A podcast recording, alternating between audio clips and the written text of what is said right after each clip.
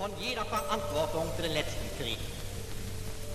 Wir wollen gemeinsam kämpfen, eine neue Katastrophe zu verhindern. Denn das muss die Welt wissen. Ich schwöre Adolf Hitler.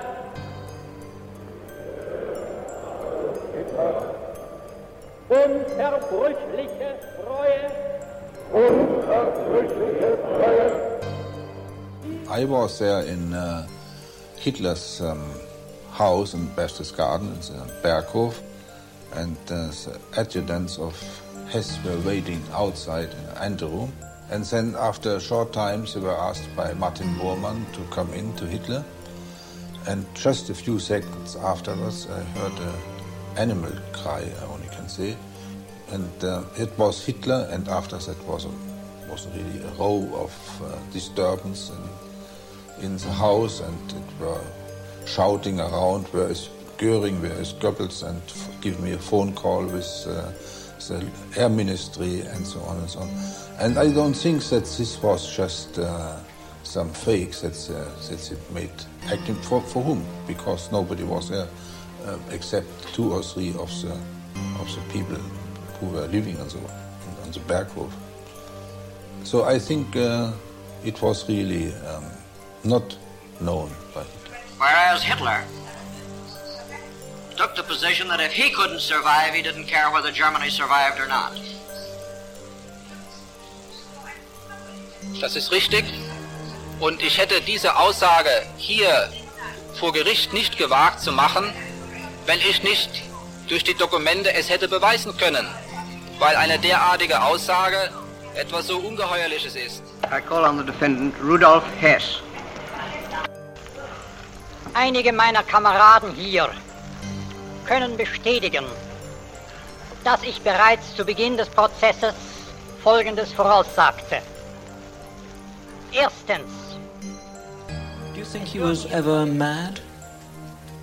No, not in the way of um, being, being alienated. Um, he is uh, eccentric.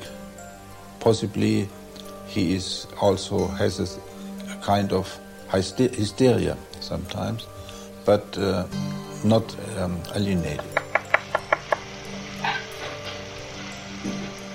I must uh, draw the attention of the defendant, Hess, to the fact that he has already spoken for 20 minutes, and the tribunal has indicated to the defendants that they cannot allow them to continue to make statements of great length at this stage of the proceedings.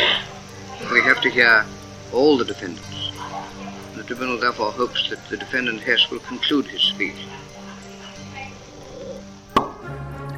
Mitt konunganamn skall vara Karl den sextonde Gustav. We shall never surrender. Allen Zeiten nicht die Mehrheit! Kom inte med en sån jävla provocerande och aggressiv ton mot mig. Där har våldet triumferat. Ask not what your country can do for you. Ask what you can do for your country. Ska vi verkligen öppna en till flaska? ja, vad fan har du att välja mellan? Skål, ta mig fan! I have a dream. Ah, I see you look at your leader. And I too look to you, Paul Bauma. It's one small step for man,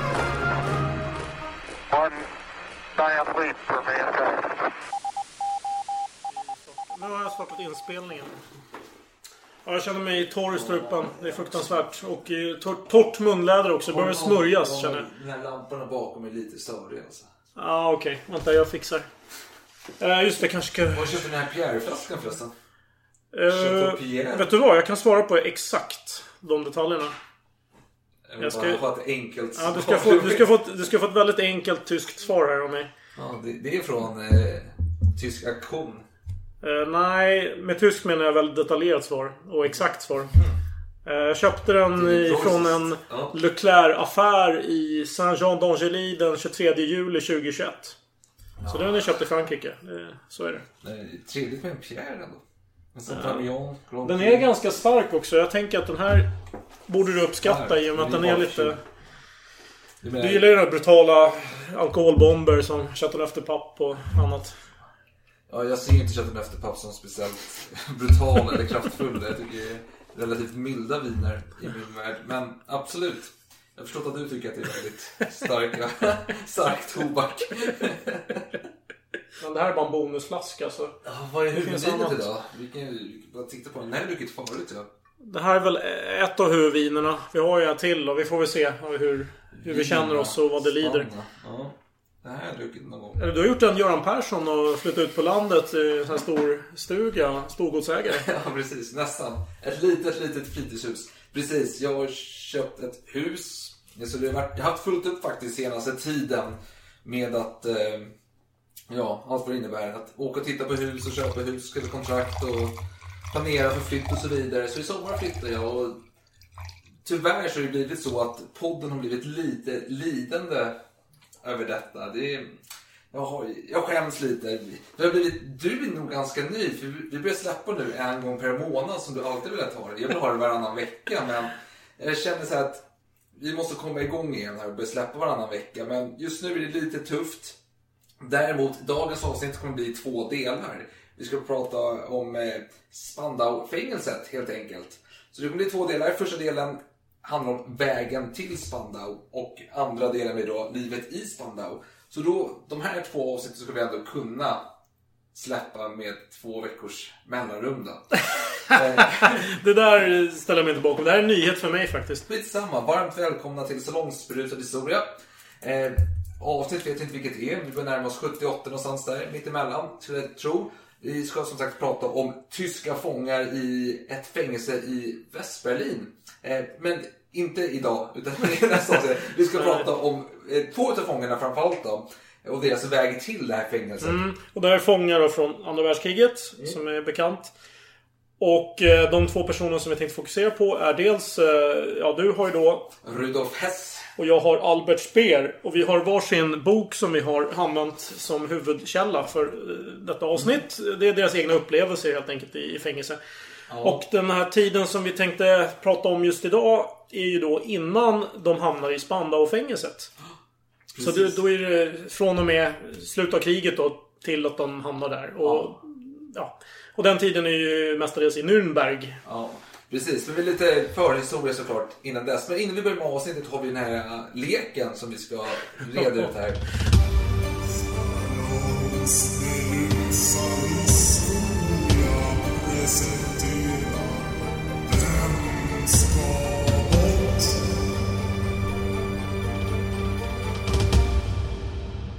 Jag skäms fruktansvärt mycket. Jag har gjort två stycken väldigt dåliga lekar.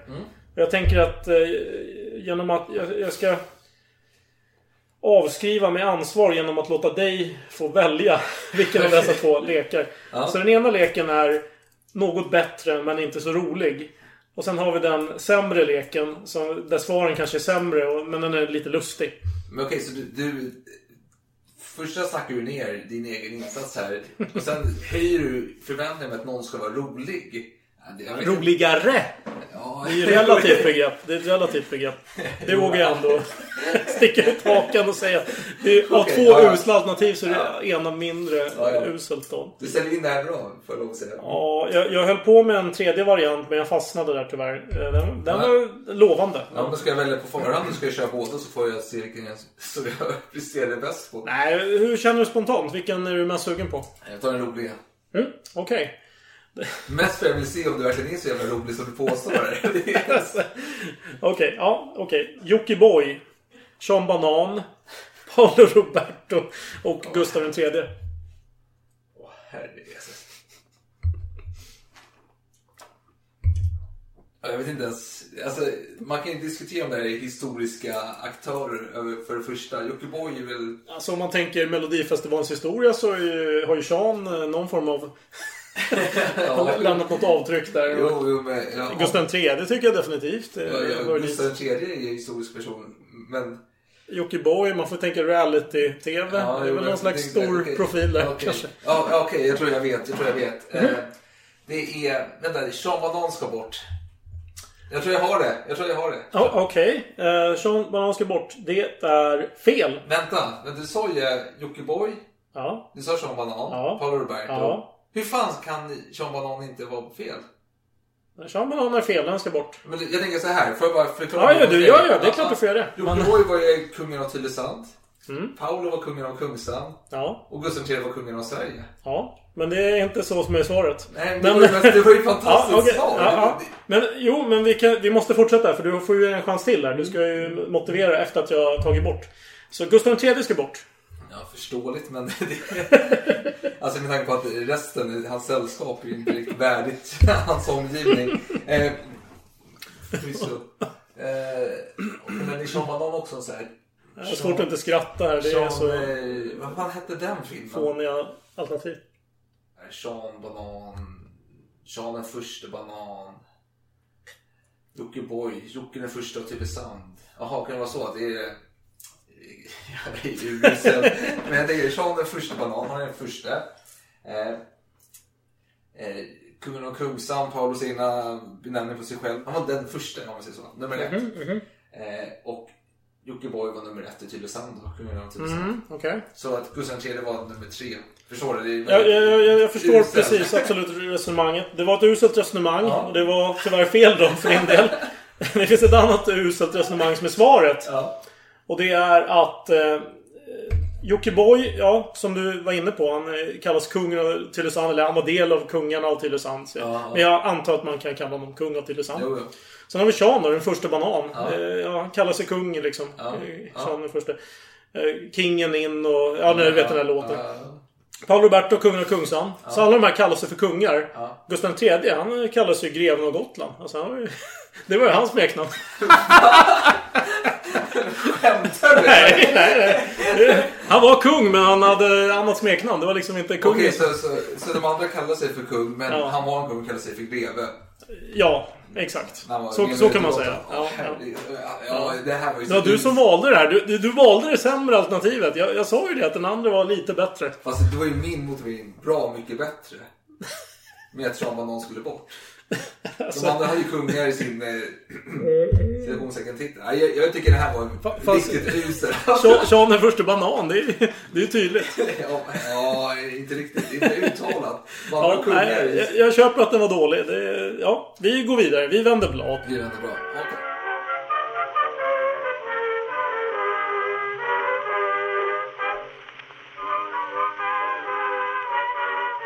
Ja, men du eh, nämnde förut att vi har olika böcker som ingång här. Just det. Jag, jag ska bara ha lite, lite eh, diskussion kring min bok då. Mhm. Eh, skriven av Eugene K. Bird som var eh, först soldat i Spandau-fängelset, eh, amerikan, så blev han direktör och eh, började intressera sig för häst och kom bra överens med häst och eh, ja, han, eh, kan man säga, fick läsa massa utav eh, Hess brev som han hade fått till sig tidigare då, men lämnat oöppnat. Och sen helt plötsligt började han intressera sig för detta, började läsa alla de här Han kunde tyska då, antar jag. Ja, det antar jag. Han kunde. Och, han hade, och Hess kunde ju bra engelska dessutom. Mhm. Så Hess gav honom tillåtelse att skriva den osminkade versionen utav Hess liv då. Mm. Och som eh, för att se att översättningen var korrekt så använde jag Bird av författaren här, jag kommer inte ihåg hans namn då, men BBCs första översättare på eh, tyska då, en Jones någonting. Jag ber om ursäkt för er som är intresserade av BBC-historia. Jag är otroligt okunnig i BBCs historia. Det enda namnet jag kan i BBC det är egentligen eh, Ronnie Reed eh, radiooperatören som var aktiv under andra världskriget och hjälpte till med Gösta Karoli där när han skulle sätta upp radiosändningen. Jag tror att vi har pratat om det förut någon gång. Ja, det var smal kunskap om... Ja, men det är den enda som jag kan. För han var också bilden då till eh, Operation Mincemeat då. Då var, använde man hans bild som... Eh, Nu önskar jag att jag kunde sätta dit dig genom att dra en massa namn här, men jag är minst lika okunnig när det gäller BBC tyvärr. Och man ska nämna också att Hess fick ju livstids fängelse, så det, han kunde inte... Han hade ingen möjlighet att skriva själv och ge ut själv. Och så liksom. ska det nämnas att eh, Spandau var spännande på så sätt att det var ju alla allian, eller segermakterna delade på ansvaret i fängelset så man hade vaktombyte hela tiden. Så för att det skulle gå så var Bird då tvungen att smuggla in dokument till Hess och skulle ryssarna komma på och det skulle bli ja, kalabalik och Mm. dålig stämning. Men, eh, och eh, Hess eh, läste också, sitt godkännande till allting. Men det finns ju någon form av risk att saker blir lite, lite eh, vad ska man säga, färgat över eh, det här, när man är så nära där man eh, skriver om, eller lever om. Eh, och eh, Jag tycker bara ett, en sak är lite intressant. Originaltiteln kontra den svenska översättningen, titeln. Den svenska heter då Fången i Spandau. Det låter lite som eh, Mannen med järnmasken. Vem är den här beryktade eh, människan som sitter? Och sen under titeln Historien om Rudolf Hess. Det är en ganska bra titel ändå. Det lockar. Fången i Spandau. Man, man vill veta. Om det är någon fånge så är det ju han. Ja, och det är man Hess som är säga. den stora och Hess med stora bokstäver och så vidare. Ja, han satt ju längst. Ja, den eh, engelska titeln är då, om jag översätter med svenska då, Världens ensammaste man. Mm. Den är ju väldigt eh, målande. Jo, men den är ju ändå lite, lite kan jag tycka, lite, jag vet inte hur jag ska uttrycka mig riktigt, men det är lite, lite mer tycka synd om känsla över det hela. Mm, ja, jo, jo, jo, definitivt. Man, man kanske försöker bredda sin eh, läsarskara där genom att komma med en sån här känslomässig titel. För att det kanske inte är så många som är sugna på att läsa annars. Jo, men alla vill ju läsa om häst. Alltså, problemet är att det skrivs mycket om häst och häst tycker mycket är fel dessutom. Men jag måste ge, jag måste ge Bird här ändå en liten, vad säger man, benefit of a doubt eh, situation här helt enkelt. För han säger också så här, hur ska jag kunna veta, när jag skriver detta, ska jag kunna beskriva Hess historia? För Hess är en man, som vi kommer komma in på, som ändras lite hit och dit och har lite dåligt minne ibland och godtyckligt ibland. Då. Då säger han, jo men jag skriver det han säger så får eh, läsaren göra en egen uppfattning kring om detta kan stämma eller inte. Men som sagt, med det sagt så har jag lite brasklapp här kring... Du, du friskriver från ansvar, precis som jag gjorde med leken. ja, precis. Ja, men det måste ju jag också göra. Jag har ju då... Min författare heter ju Albert Speer. som så, att, så att det är ju klart att det är färgat eh, av honom såklart. Och jag har ju medvetet då försökt inte läsa på så mycket om eh, annat. eh, Andra källor just för att jag... Det, det är ändå kul att ha den här, eh, vad ska man säga, enmansperspektivet på saker och ting. Framförallt om vi råkar hamna i samma situationer här i, i skeendet och kan eh, se två olika perspektiv. Det, det skulle vara kul. Vi får se om vi hamnar där. Precis, så jag vill bara förtydliga att eh, alla de här, jag kommer ha lite citat och skit här längs resan och det är då citat från den här boken. Sen i övrigt får man väl... Just det. Så det blir sekundärcitat kan man säga av häst då. Ja, precis. Eh, Jag är primärcitat. Så det, det kan jag skryta om lite grann. Eh, Men jag tänker så här, låt oss börja i Speer. Okej, det kan vi göra. Så vi dricka lite vin, jag kan koppla av. Alright, Titta du... på inredningen, din Air France-tavla bakom dig som Ja. är så vacker. Visst är den? Ja, jag tänker alltid på Fonken. Ja, precis. Han flög lite omodernare plan. Ja, men Air France är ju... De är omo- ja, det var, det var en... Eh. Det var en hård smäll där för, Ja, för det flygbolaget. Jävlar. Jag höll på att spela ut vin här Ja, jag höll också på där borta, men... Ja, eh, ja, vi överlever denna gång. Ja, kör. Ja, just det. Precis. Ehm, jag håller på att snegla på vinflaskan för jag har typ två droppar kvar i mitt glas. Vet du vad vi jag gör? Vet vad vi gör? Vi öppnar flaskan och är, så vi är redo för...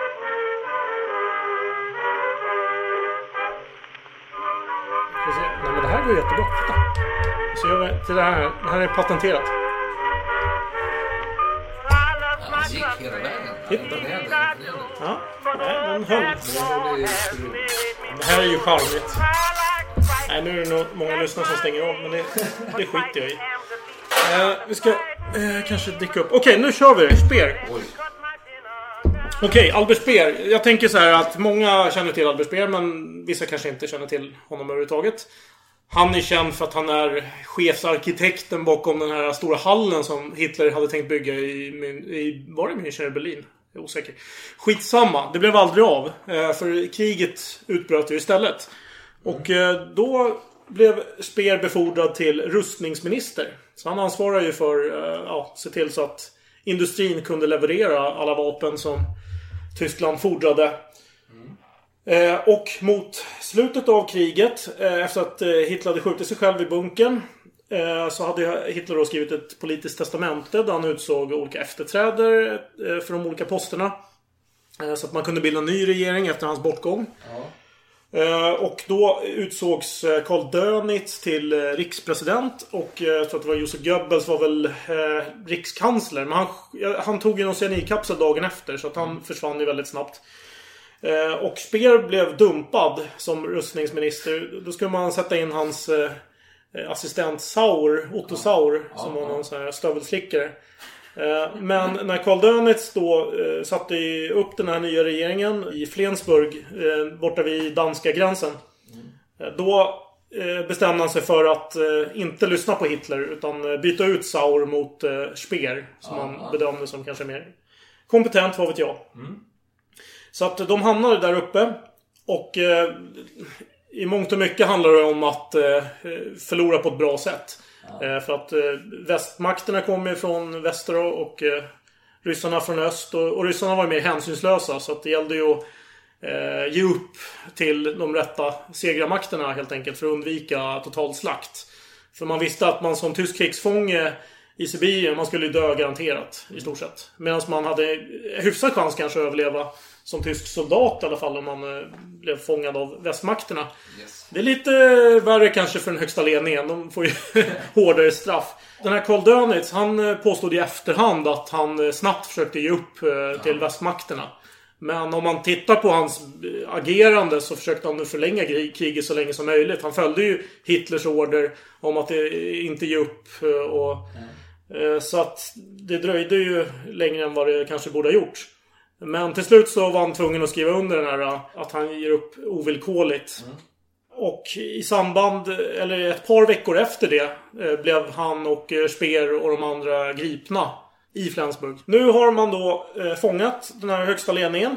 Ja. Och det verkar som att man i rättegången tar upp de här en efter en helt enkelt. De här högsta ledningen. Man tar dem i samma veva. Stort sett. Ja. De som lyckades fångas in då. För det var ju många som begick självmord. Vi har ju exempel där på eh, Goebbels och Hitler själv och Ja, många ja, fler. Eh, Och före rättegången, eh, i samband med att de var ute på någon eh, gårdsplan på något sätt. Då hade Göring, alltså han var ju den tilltänkta efterträdaren till Hitler innan han eh, försökte eh, se på med någon fredsförhandling. Och då blev Hitler ursinnig och eh, avpoliterade honom helt och hållet. Eh, men i alla fall, han hade sagt följande till Speer. Om hundra år är Hitler åter Tysklands symbol. Var det annorlunda med Napoleon, Fredrik den store eller tsar Peter? De räknas inte heller som mördare i historien. Allt hänger på att vi håller samman. Dö måste vi ju alla en gång.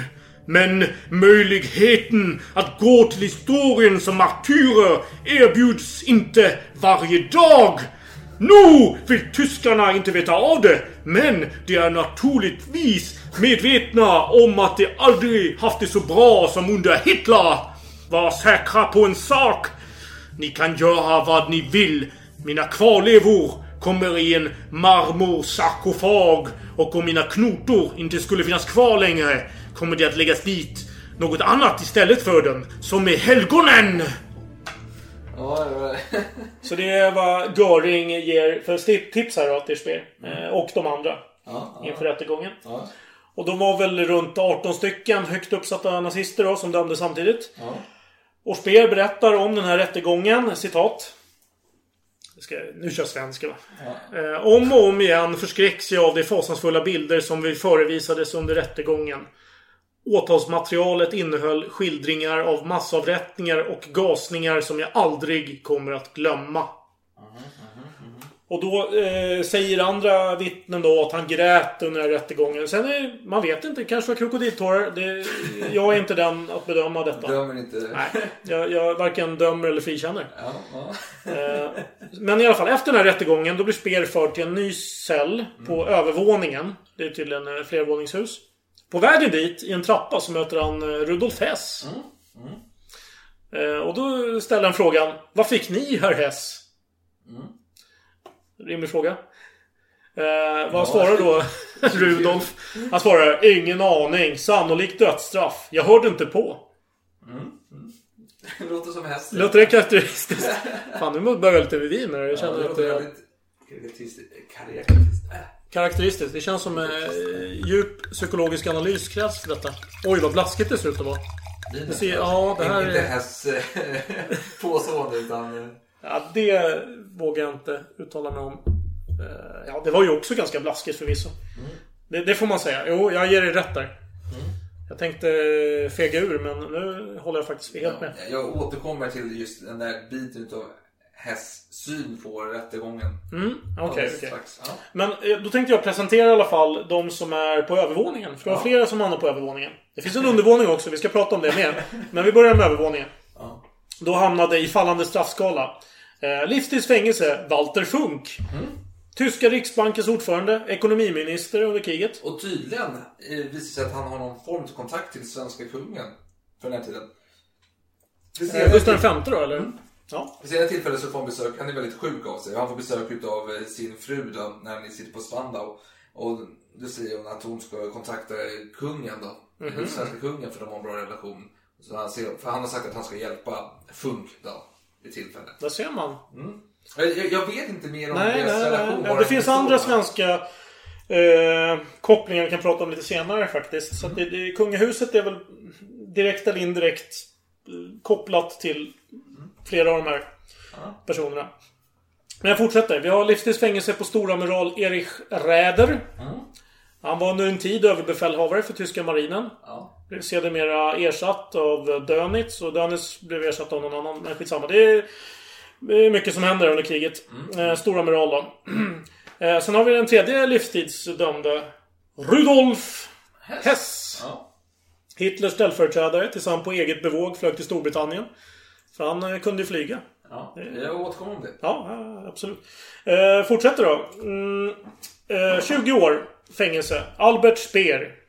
Har pre- presenterat honom. Han var rustningsminister sedan 1943. Vidare har vi Baldur von Schirach. Eh, han var ledare för Hitlerjugend under många år tills han blev Wiens partidistriktsledare. Eh, och då, Geilauter heter den titeln. Och det var någon... Man kan kalla det pamp som är direkt underställd Hitler själv då. Så att det är ganska högt uppsatt pamp kan man Ja, säga. ja. Sen har vi 15 år, Konstantin von Neurath. Eh, Ribbentrops föregångare som utrikesminister fram till 1938. Ribbentrop hamnar ju då i den här nedre eh, nedervåningen. Ja. Eh, ja, bland många fler. Och till sist då, den sjunde namnet. Eh, 10 års fängelse. Storamiral Karl Dönitz. Efterträdare till Hitler som rikspresident. Det var det. Det var det. Var det allt om eh, eh, Speer eller har du mer? Nej, nej, nej. Eller vad- Speer? Nej, det är klart jag har massa mer. Nej, nej, det behöver inte oroa. Så Speer började misstänka då att de där uppe eh, på övervåningen. Det var kanske de som kom undan med livet i behåll. Mm. Och de där nere, de ska nog bli avrättade helt enkelt. Det var Ja. känslan han Det fick Det är som en eh, Idol, slutaudition. Ni ska stiga De som fram. hänger löst. Ja, det blir såhär, när de ropar sina namn, ta ett steg framåt så vet vi inte riktigt. Mm. Några av de här kommer åka ut, några kommer stanna kvar. Är det... Ja, fast alla där nere ska ju åka ut. Jo, ja, men det visste man inte. Ja, nej, nej, okej. Det är sant, det är sant. Eh, men, Men det, men det är lite så här, då- då vet man liksom.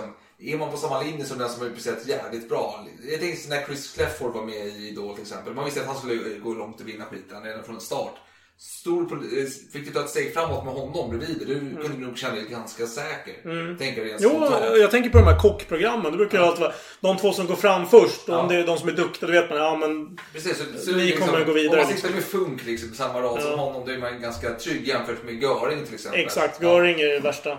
Ja. men det stämmer.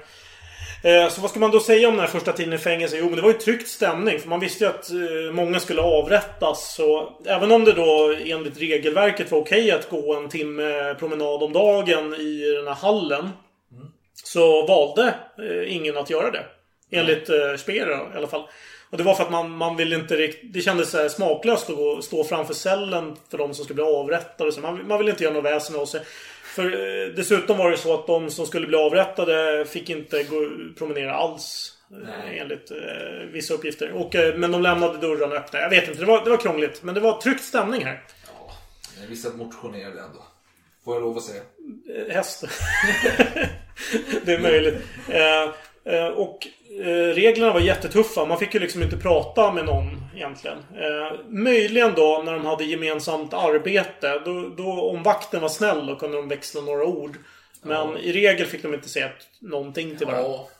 Nej. Jo, Vad säger häst?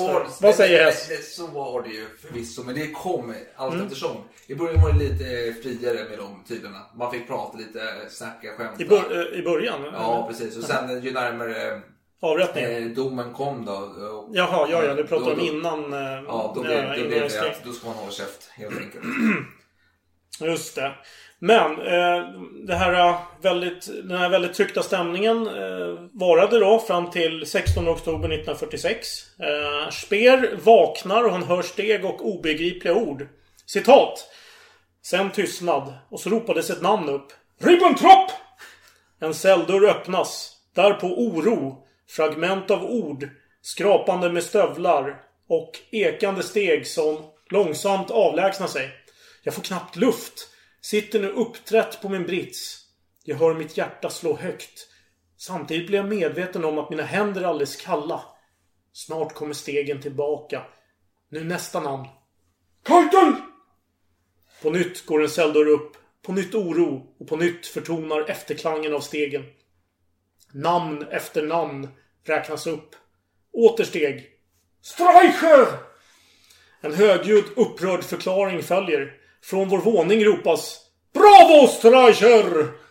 Rösten tillhör Hess. Där nere fortsätter uppropet om namn. Jag kan inte bedöma tiden. Det kan ha tagit timmar. Jag satt med knäppta händer. Mm. Så nu kan vi bara spekulera i vad Streicher kan ha sagt då som gjort att Hess ropat uppmuntrande. så om du har detaljer runt det så är jag väldigt nyfiken. Det har jag faktiskt inte. Så... Men, men jag, ja, jag kan ju nämna kanske vad Streicher sen ska ha sagt när han skulle bli hängd då. Ja. Uh, jag kan inte riktigt säga källa. Det här är inte Speer som källa, men uh, någon källa. då, då ska han ha ropat följande. Heil Hitler! Nu går jag till Gud! Och sen ska han ha gjort anspelningar till en judisk högtid, eh, Purim. Det, och den går ut på att man hänger någon sån här judutrotande första som heter ha, Hamman. Så att eh, det var väl någon slags konstigt skämt där av eh, Streicher helt enkelt. Men han verkar väldigt eh, antisemitisk och nazistisk helt enkelt. Och det kanske var det som helst gillade. Eh, fråga ja, till dig. Ja, jo, nej men... Ja. Varför ropar Hess Bravo Streicher? Ja, men hörde han eh, sista orden innan han hängdes?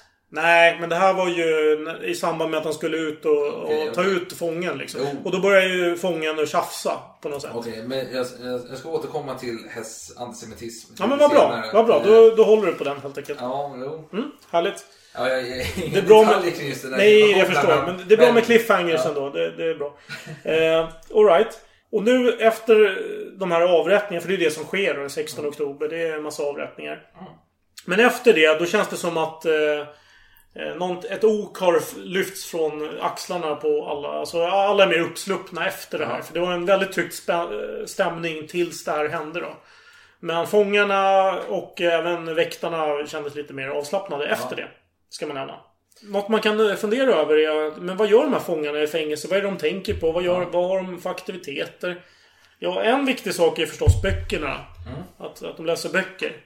Men i Nürnberg fanns det väldigt begränsat med böcker. Så det var ganska mycket skräp egentligen. Eh, Så det är de inte så nöjda över. Men Speer, han har ju konstintresse. Han har ju fått det lite förtryckt då, i och med att han var tvungen att jobba som rustningsminister. Han är ju, det är arkitektur som han brinner för. Ja. Så att han håller ju på och skissar och, och sådär i fängelset. Men, men på tal om det här med böcker, för det, det nämns ju att man får lämna in en lista på böcker man vill ha till någon Mm. fånge som är hand om bibliotek...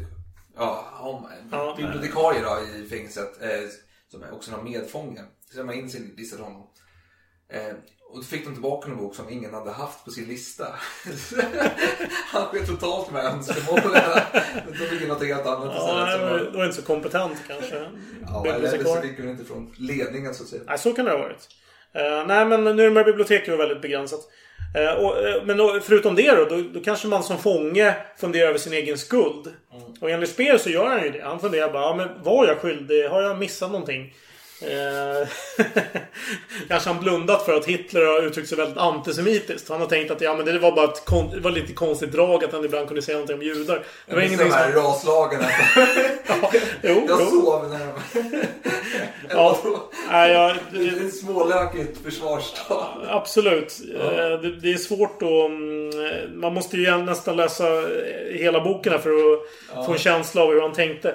Men nu kör vi ett citat här. Jag får ingen ro för tanken på Hitlers två ansikten och att det dröjde så länge innan jag såg det ena bakom det andra. Först mot slutet, under de sista månaderna, blev jag plötsligt medveten om det och betecknande nog stod denna insikt i samband med en estetisk upplevelse. Jag upptäckte plötsligt hur obehagligt frånstötande oproportionerligt Hitlers ansikte var. Hur kom det sig att jag var blind för det i så många år? Gåtfullt! Det är intressant att du säger det, för på tal om spel, han gjorde ett uttalande i Playboy i juni 1941. Playboy. Då skrev så här. Det fanns hos Hitler en fundamental kyla. Jag har aldrig träffat någon annan människa som ingivit denna känsla av något som felandes. Detta intryck av att i hjärtpunkten av hans varelse fanns blott och bort en livlös okänslighet. Och när eh, Hestad fick höra, Hestad i fängelse fortfarande, Mm. då blev man mest, eh, eller han sa så här, det är precis rätt. Så här var Hitler, det här stämmer totalt. Men eh, han kunde fortfarande inte begripa varför eh, Speer gick till en tidning med halvnakna kvinnor. Det tyckte han var ytterst olämpligt. Han är moralisk väktare. Han sitter i livstidsfängelse för brott mot mänskligheten. Men ja, det är kul. Då kul. tyckte att, ja, Varför och, inte? Och Hess höll med om att eh, Hitler var som en, det var så osynlig mur, mur bakom fasaden. Ja. Det var ja, känslig. Man sa inte du till honom, man sa bara ni till honom.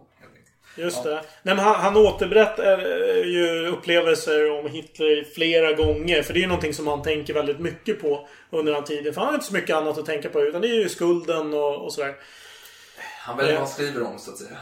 Ja, och man får ju tänka att jag vet... eh, De här... eh, Ett skiss- ursäktande verk helt enkelt. Ja, man får tänka att de här boken som han skrev, det var ju baserat på anteckningar som han gjort i fängelset. Som han sen har skickat ut via fängelsevakter, smugglat ut egentligen. Så att om de eh, skulle ertappas... eh, Jag vet inte, han kanske censurerar sig själv där genom att göra sig... Precis, och ja, han jag skrev boken, tänkte dels hade de målat om rummet. Det, är, här hände i Spandau helt enkelt, senare Mm. tillfälle. Och då har han tagit av de har målat om hans cell och då har han, lagt ut papper på golvet för att inte färg ska komma. Han kommer åt lite papper, skriver, binder fast det på benen, smugglar ut till en vakt och så vidare. Det är dramatiska scener som sker helt enkelt. För det är inte helt eh, laglydigt att skriva en massa saker. Nej, de har ju inte fri kontakt med Men då ska utomstående. nämnas att alla de här fångarna som sitter, många får ju bokkontrakt helt enkelt. Att man ska sälja sina böcker för dyra pengar när man släpps eller när man sitter i fängelset. Så det är, alla vill ju höra tankarna från dessa fångar helt enkelt. Mm. Och i Speers fall så var det någon holländsk fångväktare som var vänligt inställd mot honom som var villig att eh, smuggla ut eh, brev. Och det skedde bland annat via toapapper. Att han fick något så här vitt toapapper kunde han skriva. Så stoppar han in i stöveln och så går han och dumpar. Så gör han en gest, någon så här pennrörelse eh, ibland. Då, då vet fångväktaren att nu är det dags att ge nya papper eller, eller lämna brev eller vad fan det är. Precis. De var fast så en gång så var det att ryssvakt skulle kolla hans cell och gick han ut så gled det ner från benet ner så det syntes. Men eh, den ryska vakten var ju mindre kompetent då. Så han missade den där och det var... eh, Speer hade eh, svettat. Ja. Var, var det, ja, du, du pratade om Speer? Ja, Just det, jo men han nämnde det precis. Jo det gjorde han. Han fick panik någon gång. Han hörde att de höll på att rassla med någon lås. Så han gick, tog alla såna här toapapper, bara dumpade dem i toaletten och spolade. Och det var uppenbart att det var någonting fuffens på gång. Men han, fick, han blev inte ditsatt för det. Nej. Men ja. Ja, men det här kommer vi komma in i, i Spandau-tiden. Jo, egentligen. exakt. Men, men det är lite kul för man börjar helt plötsligt märka att fan vad fångarna är nutidsorienterade. De, de vet mycket saker som sker i omvärlden just nu. Mm. Hur kommer det sig?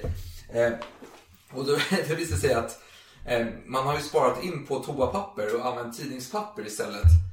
Så, så de har kunnat läsa tidningar. Sen dess börjar man köpa in toapapper istället. Ja, de, de vill inte att fångarna ska vara inlästa på vad som händer. Eh, Det är väldigt då. Tillbaka till eh, Nürnberg. Ja, tillbaka till misären då. Speer, han, han eh, drömmer mardrömmar och allt vad det kan vara. Ehm, Men också för så kontrast för allt det hemska han har hört från rättegången och så vidare. Då tänker jag mer fina minnen från eh, tiden innan liksom. Eh, Hans hjärna försöker kompensera. han satt och klappade Blondie på Ja, ja exakt. och- eh, och- Hitlers hund där. Ja, Ja, Wolf lever. eh, fanns ju en hund som hette också. Ja. men nej men eh, nu börjar det då dock bli lite kallt där. För vi nämnde ju Karl XIIs dödsdag här. Den 30 13 november. november, ja. Ja, men nu börjar det bli december. Ja. 19 december till och med. Det är 10 grader kallt ute i flera dagar. Det är brist på koks överallt. Det här är alltså citat. Nu vet inte jag om man tänker på kokain här. Förmodligen inte. Utan det är det här eh, som man eldar. Eh, Alltså kol. Ja, jag fortsätter citatet. En följd av de rådande försörjningssvårigheterna. I cellerna bara temperatur kring noll. Och så fortsätter han. Jag måste tvinga mig att inte sjunka ned i apati. Oro inför Spandau-fängelset. Nu har dock fem dagar gått sedan den tidpunkt då vi skulle förflyttas. Och vi är fortfarande här. Pessimistiska stämningar. Jag är också rädd för att inte kunna skriva där. För jag har under tiden insett hur viktig den nedtecknade formen är för min diskussion med mig själv. Det skrivna får en helt annan bindande kraft. Tydligen är det ganska vanligt för de som är inlåsta under en längre tid eh, på det sätt som Speer är att eh, till, till slut bli lite vansinniga, lite galna. Eh, och eh, jag vet att en läkare kommer förbi sen och konstaterar att Speer är den som verkar ha klarat sig bäst hittills. I alla fall, rent mentalt. Och han är ju en organisatör, Speer. Han har organiserat den här rustindustrin i Tyskland. Så han har ju även organiserat sitt liv i fängelset. Han tänker att ja, okej, det är 20 års fängelse. Jag kommer vara så här gammal. Okej, vad ska jag göra under den tiden? Eh, jag måste se till att träna lite då och måste göra lite av det här och lite av det där. Jo. Ja, han, an- ja, det är också det senare skedet, men i Spandau återigen så anlägger han ju en trädgård och Just det. pysslar mycket. Ja, nej, sån lyx har de inte i Nürnberg. Det är inga Nej, trädgårdar. Inget trädgårdsarbete helt enkelt. Nej, men om man spinner vidare på skuldfrågan. Om en dag senare, 20 december, så tänker Speer följande. Hitler hade alltid hatat judarna. Det gjorde han aldrig någon hemlighet av. Senast hösten 1939 kunde jag förutsett deras öde. Efter 1942 måste jag ha vetat det. Redan månaderna före utbrottet av andra världskriget, som i detta läge säkert inte kom lägligt för honom, blev utfallen allt vanligare. Världsjudendomen strävade efter krig, upprepade han envist. Och senare, judarna alena hade ställt till detta krig och bar skulden för det. Det tyckte han. Ja, det fortsätter. Det är för Det är för övrigt fel att föreställa sig att Hitler under sina hatiska utbrott mot judarna verkligen hade fradga i munnen, vilket man alltid frågat oss om. Det, ja, det går ju att tänka sig. Han kunde säga helt lugnt mellan soppan och legumerna. Jag skall förinta Europas judar. Detta krig är den avgörande uppgörelsen mellan- mellan nationalsocialismen och världsjudendomen. En blir utslagen och det avgjort inte vi. Det är tur att jag som österrikare känner judarna så väl. Om vi förlorar förintar de oss. Hur skulle jag kunna ha medlidande med dem? Eh, Det är intressant. Jag tror att jag kommer komma in lite och snudda på gemensamma tankegångar där mellan Hess och Hitler. Eh, snudda, alltså att, som kan förklara lite hur Hess så, såg på detta Mm. som Hitler menar. Och eh, Hess och Hitler går tillbaka långt tillbaka i tiden. Mm, Eh, mm, ja, visst. Eh, Så det kan finnas en gemensam grundnämnare där som förklarar lite djupare detta mening. Ja, precis. En reflektion jag har är att in i det sista så tyckte ju Hitler att slutet på Hitler, det är slutet på Tyskland liksom. Så att det, var väldigt ödesdigert och, och sådär. Ja. Eh, Men du nämnde tidigare att ja, men hur får man kontakt med omvärlden? Ja, det kan nog vara så att man fick tidningspapper och så användas som toapapper. Men eh, han fick också ett officiellt eh, brev här från sin fru. Ja. Eh, och då citat då. Min fru har sänt mig ett nytt nummer av Bauwelt. Där är den plan Charon utarbetat för Berlins återuppbyggnad publicerad. Skissen har inga urskiljbara tyngdpunkter. Eh, Spris för ögonen icke synliga erosionsdal är det enda plastiska elementet. Staden delas upp i ändamålsenligt rätvinkliga ytor. Det finns ingen uppfattning om ett arkitektoniskt Berlin bakom. Ingen utvecklingsidé för staden och inget påpekande om bangårdsproblemet som en gång så envist sysselsatte mig. En huvudstad har givit upp sina förväntningar. Det extremt jättestora följs av resignation. Modlöshet avlöser storhetsvansinne. Så eh, Speer här eh, beklagar sig över att eh, man har gett upp eh, alla liksom försök att bygga en eh, vacker stad. Ja, ja, ja. Eh, Som jag uppfattar det. Eh, utan att ha detaljkunskaper om här Spris erosionsdal och allt det där. Det är väl arkitekttermer, tänker jag mig. Och Speer fortsätter fundera på Hitler för det är, det är någonting som sysselsätter honom. Han har ju många timmar i cellen. Jag för mig... Jag vet inte om det här är under Spandau-tiden men... Jag får att han har sagt i alla fall att han har typ sex timmar i cellen där på kvällen. Och det, är den bästa tiden för då är han ostörd. Kan han läsa och, och så vidare. Och han säger följande. Tendensen ökar att framställa Hitler som en matttuggande även vid ringaste orsak hämningslöst rasande diktator. Ja. Det anser jag vara felaktigt och farligt. Om de mänskliga dragen fattas i bilden av Hitler, om man förbiser hans förmåga att övertyga, hans vinnande egenskaper, ja, till och med den österrikiska charmen som han kunde utveckla. Gör, man inte, gör, man inte, gör man inte denna gestalt rättvisa? Eh, Okej, jag, jag, jag pausar citatet bara för att eh, svara din...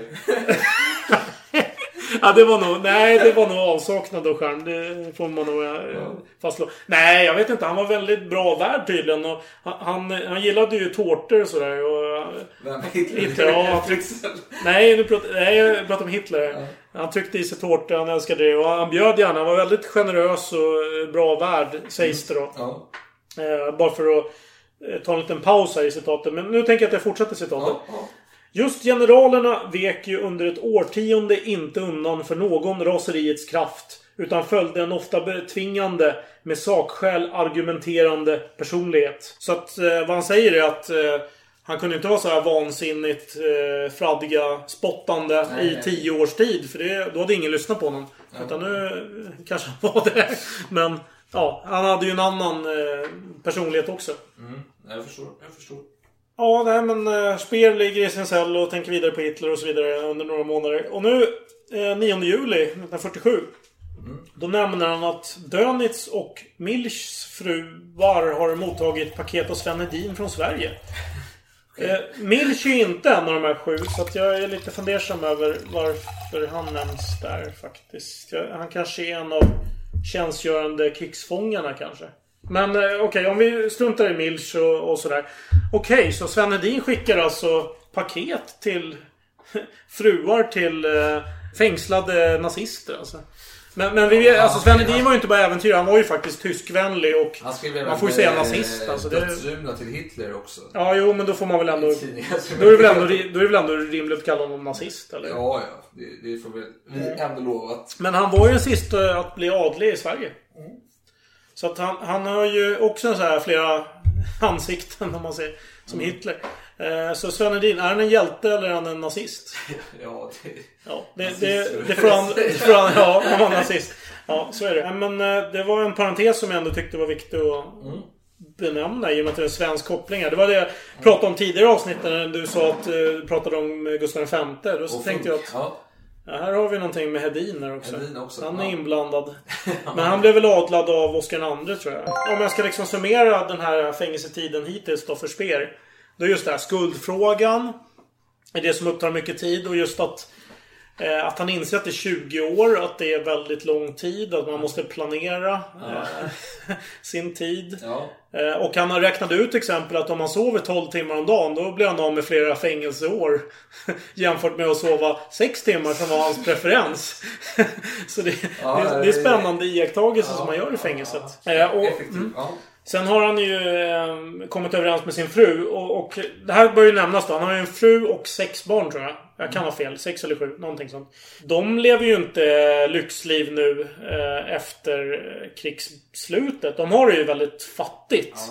Eh, och det märks kring julafton. För då får alla julpaket då från sina kärister. Och, och en del av dem har ju kontakter med amerikaner. Jag, får att, jag kommer inte ihåg om det var von Schirach eller om det var någon annan som hade en amerikansk släkting som kunde eh, ha massa cash liksom och eh, lyxa till eh, tillvaron. Pumpa in julklappar. Ja. Men han hade ju inte det. Han visste att frun hade det väldigt dåligt ställt. Så han eh, uppmuntrade ju absolut att... Eller han sa ju till henne att Skicka ingenting till mig, jag vill inte ha någonting. Bara för att han visste att de hade det väldigt hemskt. Och, och senare även i Spandau. Att han ville inte att de skulle ta risken och åka över sovjetiskt område. För Nej.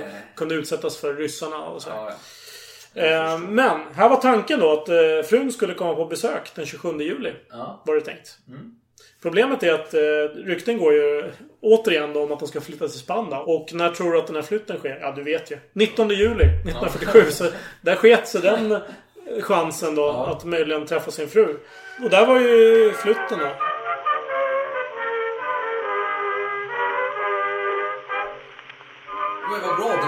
Gå in på Rudolf Hess lite då. Hans livsöde. Oj vad du myser här. Det, är lite ovanligt när man pratar om använder häst i samma andetag. Ja, nej, men, förlåt den här knakande stolen. Den, Den är charmig. Den är charmig. Eh, nej men, ja, Rudolf Hess är en mytomspunnen man. En eh, galning i mångas ögon. En, en sinnessjuk man, är, säger många. Han, hela hans livsöde är fyllt med eh, konspirationsteorier. Då. Varför gjorde han det som han gjorde? Dog han naturlig död? Ja, han, han hängde sig själv, det kan vi väl avslöja nu då. Men det är riktigt som att tog han livet av sig eller var det så att han blev mördad i fängelset? Och så vidare. Och så vidare. Hans son Wolf eh, eh har ju drivit den frågan eh, och skrivit böcker om det också. Men det ska vi inte prata om nu. Vi ska prata om Rudolfs första tid i livet här eh, fram till eh, ja, Spandau-fängelsetiden. Han föddes då i april eh, 1894 i Alexandria i Egypten. Eh, hans far var grosshandlare och så vidare. Han var alltså som... Eh, eh, vet du Palmemördaren? Nej men förlåt, vad heter han? Eh, eh, Stig? Ja, alltså Stig Engström. Han var, inte, han, han var född i Indien, så. Ja. Det här var Egypten, Alexandria. Ja, ja. Förlåt, fortsätt. Jag, Född utomlands. jag störde dig i onödan. Ja, jag var så... jag var så grov att jag buntade ihop två utlandsfödda. Helt utan annan koppling. jag skyller på vinet. Vi vill alltid finna en Olof Palme, eller Palmemords koppling helt enkelt. Det är, du lever för den kopplingen. Jag blev väldigt glad för att det är gjort faktiskt. Nej, men det var som sagt 26 april han föddes då, 1894. Eh, I ung ålder flyttade de till eh, Tyskland. Eh, eh, ett minne jag har från serien jag gick på tv förut, eh, Hitlers hantlangare. Så var det att man berättade att eh, Hess eh, pappa då, var en stor eh, nationalist kan man säga. Han dyrkade Kaiser Wilhelm då. Alltså, Han Mm. hade en stor tavla ut av honom på sitt kontor. Han skålade på hans årsdag för hans hälsa och så vidare. Så det, vad ska man säga? Mellan raderna kan man säga att det, det, var ett arv, det var en kultur som fanns i familjen att man eh, hyste stor beundran för sin ledare då. Mm. Den tyska ledaren. Eh, åren gick, eh, han eh, hoppade in i kriget, det blev ett krig då. Eh, han var med i kriget, Verdun av olika slag. Han blev skjuten, träffas, sårad. Och han eh, försökte ta varven till flygvapnet. Till slut fick han gå med i flygvapnet då. Eh, när han återhämtade sig från sina skador. Eh, och eh, han, han, han, ja, han blev antagen, men då tog ju kriget slut. Mm. Och nu, nu första världskriget Ja, då för att fylla i. Ja, ja, Det. Självklarheter såklart. Men, Ja, ja, men det är bra men, ja, Det passa bra för dig. Och han, eh, han hade ju den här bilden av, eh, vet, på västfronten inte nytt. Lärare Mm. som står och eh, eh, hetsar alla elever. Det är väl den känslan. Fantastisk. Hess, eh, eh, Kommer från introt också. eh, Eller ett klipp därifrån. Men Hess var likadant. Kriget var fantastiskt. Det var ju helt underbart tyckte han att vara med i kriget. Även om han blev skadad så var det underbart. Men han blev då pilot, men kriget tog slut innan. Så jaha, shit happens. Han fick inte flexa sina muskler som och de andra i flygvapnet. Utan han, Mm. fick, han fick aldrig träffa folk. enkelt. För Göring var ju ett flygares. Ja, det, många känner honom som en tjock eh, eh, pamp Ja. med eh, en sån här marskalkstav. Men han var Alltså även- många som... eh, Ja. Tänker på häst. Tänk på häst. Och om man har en, någon kännedom om Göring så tänker man ju en sån. Ja, precis. Men det är kul för Hess får frågan senare. Vi, Hess, vi pratade förut, för övrigt om eh, i det där vinavsnittet. Då var det ju väldigt mycket Göring. Att han skulle lägga beslag på alla fina viner. Ja, för han, det var ju viktigt för honom att leva det ljuva livet. Mm. Så att jag kan ju känna en samhörighet på det, på det planet. om du vill nu. Och om man måste så, så blir det väl Om man vill Göring. känna en samhörighet med Göring Nej, så... det behöver man ju inte. Ja, nej, jag- Nej, det var ju kanske konstigt. Men, men, men ibland måste man leva sig in i avsnitten. Ja, det Ja. var, det var en konstig fetisch av att känna den. Men, men fortsätt du, fortsätt du. Mm. Jag ska nämna... Nej, jag kommer in på det senare. Förresten. Skitsamma. Ja, nej men eh, efter kriget åker han ner till München. Eh, han börjar studera under en Karl Haushofer då, som är geopolitiker och lärare och är väldigt entusiastisk. Håller på med mycket astrologi och skit också. Han har ju blivit eh, inspirerad bland annat av Rudolf Kjellén då, som var folkhems... Eh, myntade folkhemmet i Sverige, svensken då. Men han hade den här Lebersraum-attityden. Lebensraum, alltså att tyskarna behöver eh, utrymme i öst för det finns mycket mark och bördig jord och så vidare. Du förresten, Göring har ju koppling till eh, Fonk också. Ja. För de, de var ju polare, har jag för mig. Ja, polare, de sköt mot Jo, jo, men det, det var gentlemanna... Efteråt ja, så det, var ju mot flygares. Det, det verkar som flygaressen typ. Det är typ så 10,000 mile club eller vad det är. Jag vet inte. De high-fivar varandra. Jag vet inte vad de håller på med faktiskt. Det verkar ju finnas någon samhörighet där. Men jag förlåt att jag avbryter hela tiden. Men jag kommer på grejer. Jag är tvungen att ordbajsa. Kör. Precis, Ja, men, och i München då, efter kriget, så händer ju saker. Socialist, socialisterna tar över. Och det är då som eh, Hess... Hess Weimarrepubliken eller? Nej, nej, nej. nej, nej, vad pratar ni om? Va? I München så tar eh, det blir alltså Bayerska rådsrepubliken. Eh, Vilket år pratar vi om nu? 1918-19 här. Du har ju novemberrevolutionen 18 och så blir det Bayerska rådsrepubliken 19 i april som upplöstes eh, i maj 1919. Och där var ju Hess mitt i smeten helt enkelt. Han hade ju tillhört eh, det här går uppgifterna så här. Vissa säger att han var medlem i Thulesällskapet, andra säger att han hade kontakt i Thulesällskapet. Thulesällskapet var ju ett eh, ja, förnazistiskt sällskap som hade svastikan som sin symbol och det var mycket, man försökte kidnappa socialistledaren till exempel och så vidare. De blev ju eh, i slutet av den här eh, Bayerska rådsrepubliken så blev ju många gripna och dödade utav kommunisterna, eller av socialisterna då. Och Rudolf Hess var nära, enligt vissa uppgifter. I alla fall i den här dokumentären jag såg när jag var liten så var han tydligen med i mitten i smeten här. Det kommer du ihåg alltså. Jag är Ja, men det imponerad. var ju spännande. Det är ju spännande. Ja. Ja, men det, man minns... Men, Det var ja, som men- Young Indiana Jones. Fantastiskt. Ja, men det, det, vissa saker fastnar i huvudet. För de Det minns, ja, det det man så- ju minnen av. Vilket Ja. är sjukt. Ja, men vadå? Det är inget sjukt. Om man, om man är intresserad av andra världskriget så vill man ju... Ja, fast när det bara... Jo, jo, visst. Visst, fine. Men, men jag tänker den här, den här händelsen skulle ju kunna bli ett eget avsnitt. Alltså Tullsällskapets upplösning. Eller upplösningen fortsätter ju finnas fram till Ordenssällskapet blir Ja, jag tror förbjudna på är 30-talet. väldigt tunn väldigt lyssnarskarare som Nej, men, kan tänka sig... Tänk, jo, men, men det- om man säger morden på de högt uppsatta i Tullsällskapet är alltid spännande. Alltså jag tänker ju då på... Eh, vad fan, eh, där i, i Thulehuset. Ja. I, det, Det är försäkringsbolaget Thule. Ja, jo, jo, eh, det är det jag tänker på. Det är ju mer Stay Behind-rörelsen. Det, Ja, det, det, det. är i sig Ja. jäkligt Det intressant. är också kopplat till Palmemordet helt enkelt. Ja, jo men så är det. Ja. det. Men det skulle jag tycka var mer intressant.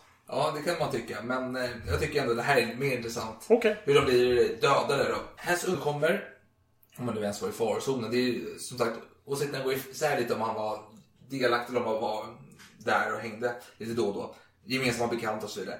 Socialistvågen som sveper in i München, det är då han säger att innan det- detta var jag inte antisemit. Men nu insåg jag att jag var tvungen att bli antisemit för att stoppa detta. Det var, detta gjorde mig till en Ah, Okej, så det var en motrörelse mot det som man verkligen inte gillade. Ja, precis. Precis. Ja. Och eh, han eh, hör Hitler tala. Han blir helt frälst Hitler. Hess skriver då, eh, han berättar lite hur han ser på en ledare för Tyskland. Hur den ska vara. Låt mig citera.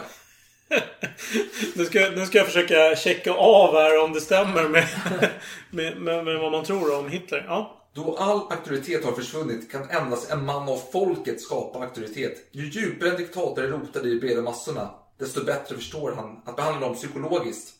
Desto mindre kommer arbetarna att misstro honom och desto fler anhängare kommer han att vinna i dessa, de kraftfullaste folklagren.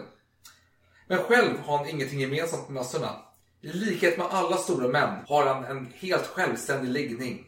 När nödvändigheterna fordrar ryggar han inte tillbaka för blodsutgjutelse. Stora frågor har alltid lösts genom blod och järn. För att nå det stora målet kommer han inte att skona sin närmsta vänner. Som lagstiftare kommer han att gå tillväga med ytterst hårdhet. Och om så nödvändigt kommer han att trampa ner allt under grenadjärstövlar. Ja, jag vet inte om det stämmer med Hitler. Inte om han någonsin tvingades avrätta någon nära vän, vet jag inte. Jo, det har ju SA för guds skull. Jo, jo visst. Jo, men var det nära vänner? Ja, det går ju att Det diskutera. syntes. Alltså det är som Eh. att, att Magdalena Andersson skulle gå dit på SSU liksom. Alltså jag vet ju att Hitler kan vara brutal. Det var ju efter att man försökte utföra den här kuppen mot honom. Då såg han ju till att de skulle bli garrotterade. Och jag, jag kommer inte ihåg om han skulle titta på det själv. Det vet jag inte om han gjorde. Men, men det var Det var ganska eh, Barbariska straff då. För dessa. Ja, ja jo, jo. Nej men, eh, återigen, han och Hitler blir vänner. Han är med i Örsellakuppen då.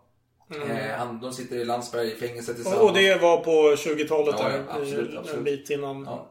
Innan de tog makten i, i landet. Och han blev, eh, de, i Landsbergfängelset då, de satt på ganska slappt fängelse. Förvisso. Där kom den här Haushofer på besök och pratade lite så här. Och där skrev ju Hitler sin Mein Kampf och eh, Hess hjälpte till och Han skrev va? Han var väl, eh, skrev ner orden men Hitler dikterade. Eller har jag fel här? Du får fylla Ja, jag vet bara att han kontrollerade läste. Men det blev diskussion efteråt, eh, många känner Hur påverkade Hess innehållet i Mein Kampf? Eh, I början sa han här, nej men Hitler Hitler var intresserad av geopolitik som Haushofer hade predikade och sådär. Så han är, han är egen, kom på så själv. Mm. Och sen senare så sa han så här, nej men Ja, Hitler var ingen eh, bokmal på så sätt så det kan vara så att jag har att han tog inspiration när jag pratade om de här eh, uttrycken i Merslam och så vidare. Eh, så det är lite oklart hur, hur stor påverkan Hess hade i själva eh, uppkomsten utav Mein Kampf, i- eller innehållet, ideologin i det hela. Men eh, han, han blir ju man nummer två helt enkelt i eh, Nazityskland till slut. Han är efter Tidiga Nazityskland. Ja, precis. Sen, sen kommer Göring och tar den platsen. Och då blir det också, det kommer... Varför tar Göring platsen? Ska vi inte... Krig! Krig! Ja men ska vi inte prata om den här uh, Skottlandsresan? Dit ja, ja, men, ja men det är då han blir två, tre Nej. eller? Nej, okej han blir två eh, eller redan tidigare. Alltså det är så här, Han är trea lite tidigare förstår du. För när kriget kommer så... Jag kan säga att de är delad tvåa skulle jag vilja påstå egentligen. Hitler säger något eh, tal där att eh, efter mig så Göring sen kommer Hess. Men eh, Hess får fråga om han blev avundsjuk på detta. På Göring som tog. Då sa han men Göring var krig och det var civilt nummer två. Ja. Och Göring var en trevlig typ. Han var, jätte, han var jättetrevlig han var till och med nästan. En jovialisk typ kan man säga. Han är väl en, kan man säga Nazitysklands svar på Edvard Blom?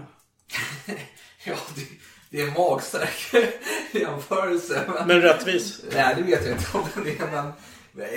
Kan du se den? Jag kan se det framför mig. Eh, Men det som eh, Hess säger i alla fall, för han skrattar åt detta och säger så här att... jo, Han skrattar om mitt skämt. Nej, han skrattar åt Göring, för han tänker på Göring långt senare och tänker så här. Jo, men han var ju lika rund som han var lång. Och det tyckte Hess var roligt. Karl den tionde. Precis, 100... Eh, formel som en jordklot som den franska diplomaten skrev om Karl X. Just det. Ja, ja det, är, det är trevligt. Alltså det, det är en... Det är, vad säger man? Det är en... eh, Perfekt sfär. Ja, det är det dessutom. Men det är en, eh, vet du det? Man säger en... man- Det är någonting man har... eh, fan heter det?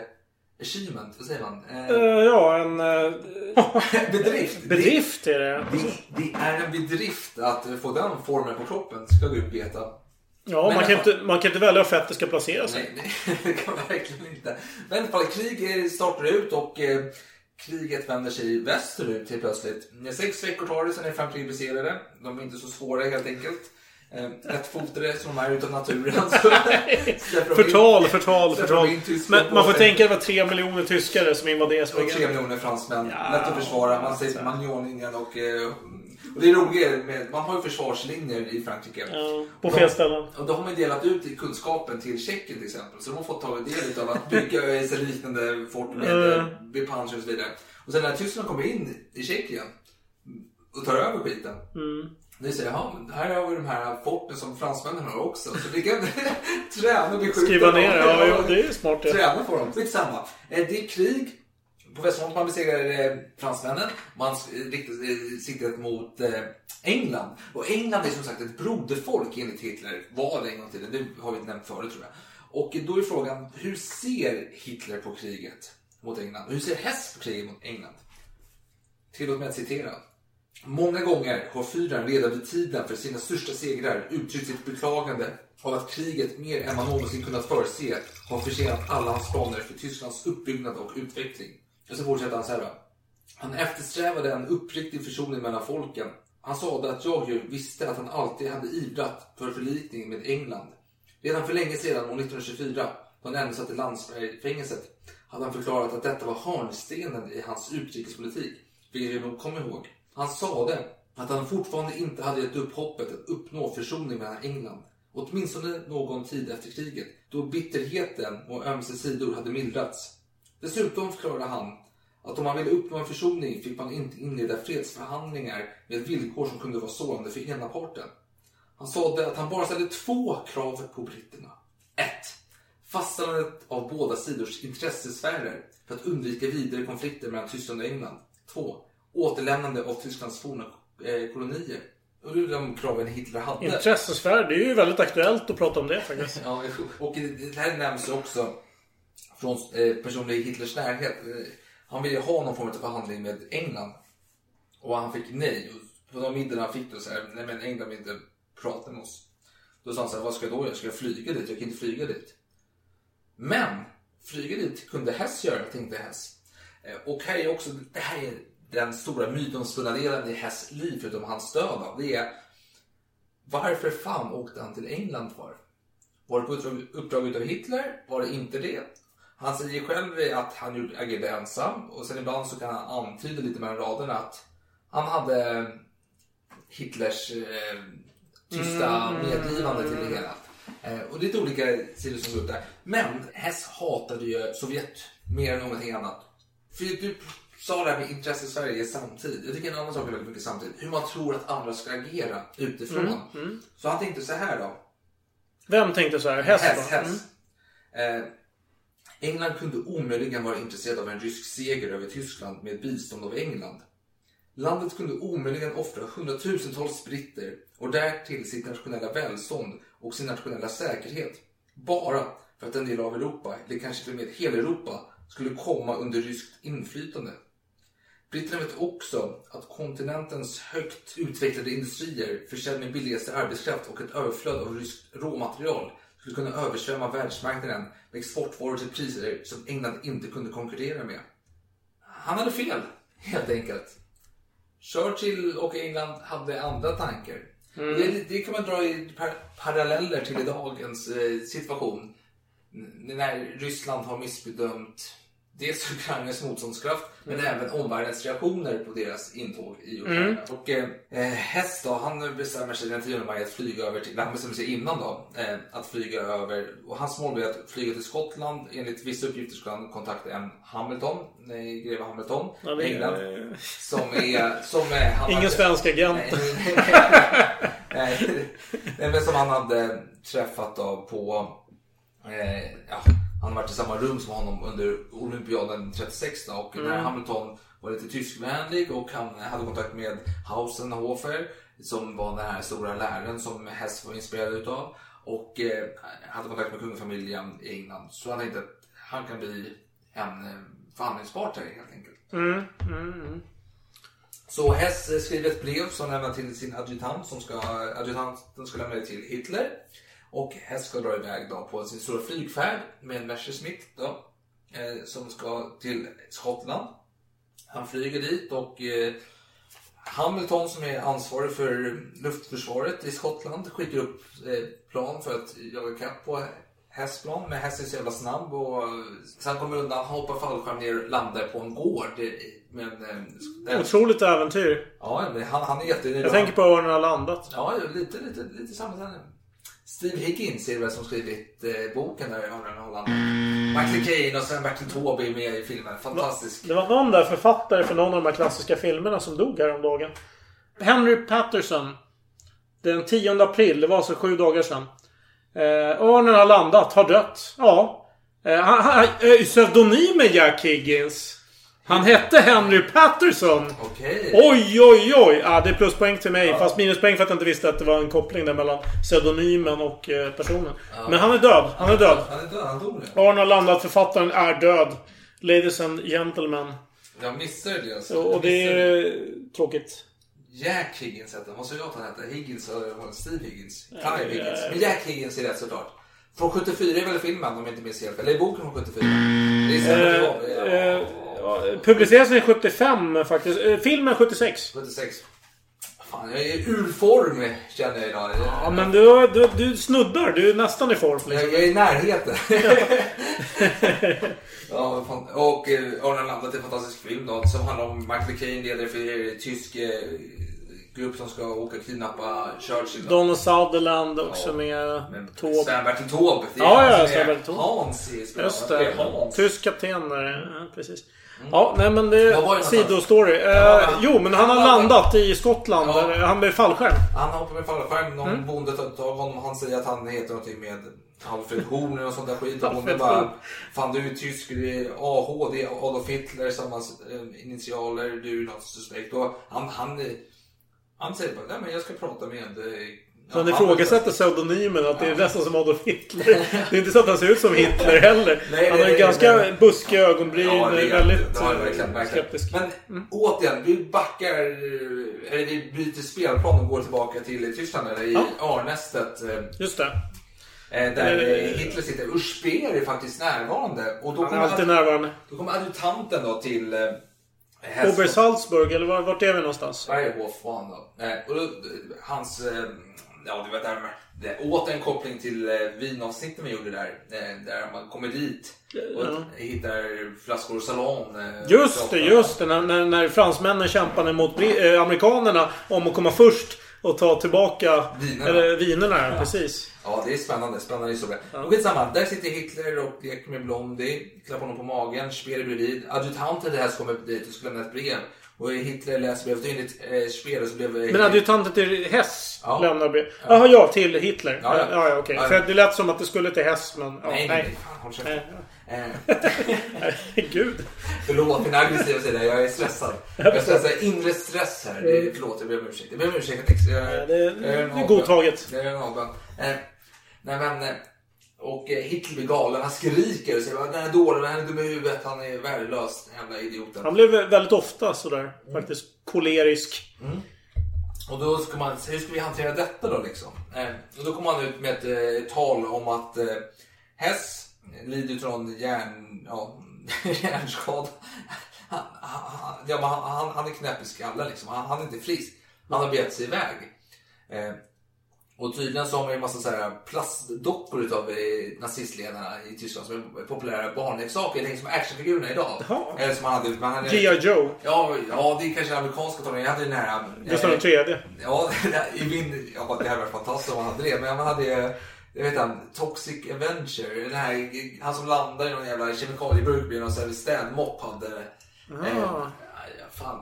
Jag tänker Turtles, He-Man. Ja, men alltså- Turtles, He-Man, det var lite- men här var det- Toxic Avenger. Dino Rider kommer jag ihåg. Ja, men- det var skitbra. Dino Ja, Rider, det var bra. Jo, ja. Men Toxic Men jag vet inte, jag, jag vet inte om jag har en koppling där. Så, ärligt talat. Du får nästan Toxic Avenger, okej. vi ska kolla det. Det låter som någon, så här, någon som ska hämnas för Tjernobylolyckan. Liksom. men han landar i- 84. Toxic Det är Avenger. en film Skräckkomedi. från Troma film, så det är en film om det. Han landar, det är städare som landar i någon... Jo men här har någon slemmig typ med mopp alltså. Ja, precis. Ja. Ja, men det var fan sånt som jag hade, tror jag, när jag var liten. Jag minns i alla fall att jag Wow. hade som leksak. Här har jag någonting att läsa in Som sagt, det är en traumafilm skräck, splatterskräck, eh, komedigenren, eller bolaget, bolaget som hade det. Eh, filmbolaget då, traumafilm. Eh, men lite den så här, plastleksaker man hade hjälpt. Man hade ju Turtles också. Turtles var Mm. fantastiska Mm. leksaker. Framförallt de som man kunde dra ner huvudet på i skalet. Mm, du mm, Man kunde mm. pressa ner huvudet. Fantastiskt. Ja. Vem var du till Turtles? Var du... Eh, Va? vilken Eh, jag funderar på Donatello faktiskt. Ja, han var vis. Leonardo var lite vild. Eh, Ja. Ja men det blev... Fast Michelangelo gillar pizzor så det gillar man ju. Men... Rafael. Nej jag vet inte. Rafael. Alltså jag gillar ju Rafael eh, Inte målaren. Nej, jag hatar Rafael. Men, men Turtle vet jag inte. Klen, nej. Nej jag, jag får säga Donatello då. Eh, Det, det, är min, det är min Turtle. Donatello, ja, det- jag, jag har faktiskt, jag vet inte. Michelangelo var ju cool också. Svårt att med Leonardo. Han var lite infantil. Fast han gillar pizzor. Ja, men det gillar man. Han är party dude. Exakt! Men det gillar man ju. Ja, lättsamt. Ja, skitsamma, skitsamma. Hitler galen, man säger, man säger i alla fall... eh, Hitlergård? Eh, Galen. Ber, jaha, jag tror det var Berghof. Nej, nej, nej. nej. Hitler är galen, han skriker, han går ut i radion och säger eh, Hess är galen. Eh, alltså Hitler är galen, arg galen. Man säger att Hess är psykiskt galen. Så det, det är flera former av galenskap precis. pågående olika, samtidigt. Olika delar utav skalan helt enkelt. Eh, och man har leksaker med. Leksaker utav nazistledarna. Ja, just det. Och då är Hess en actionfigur här. Ja, och då tog man bort honom från produktionen.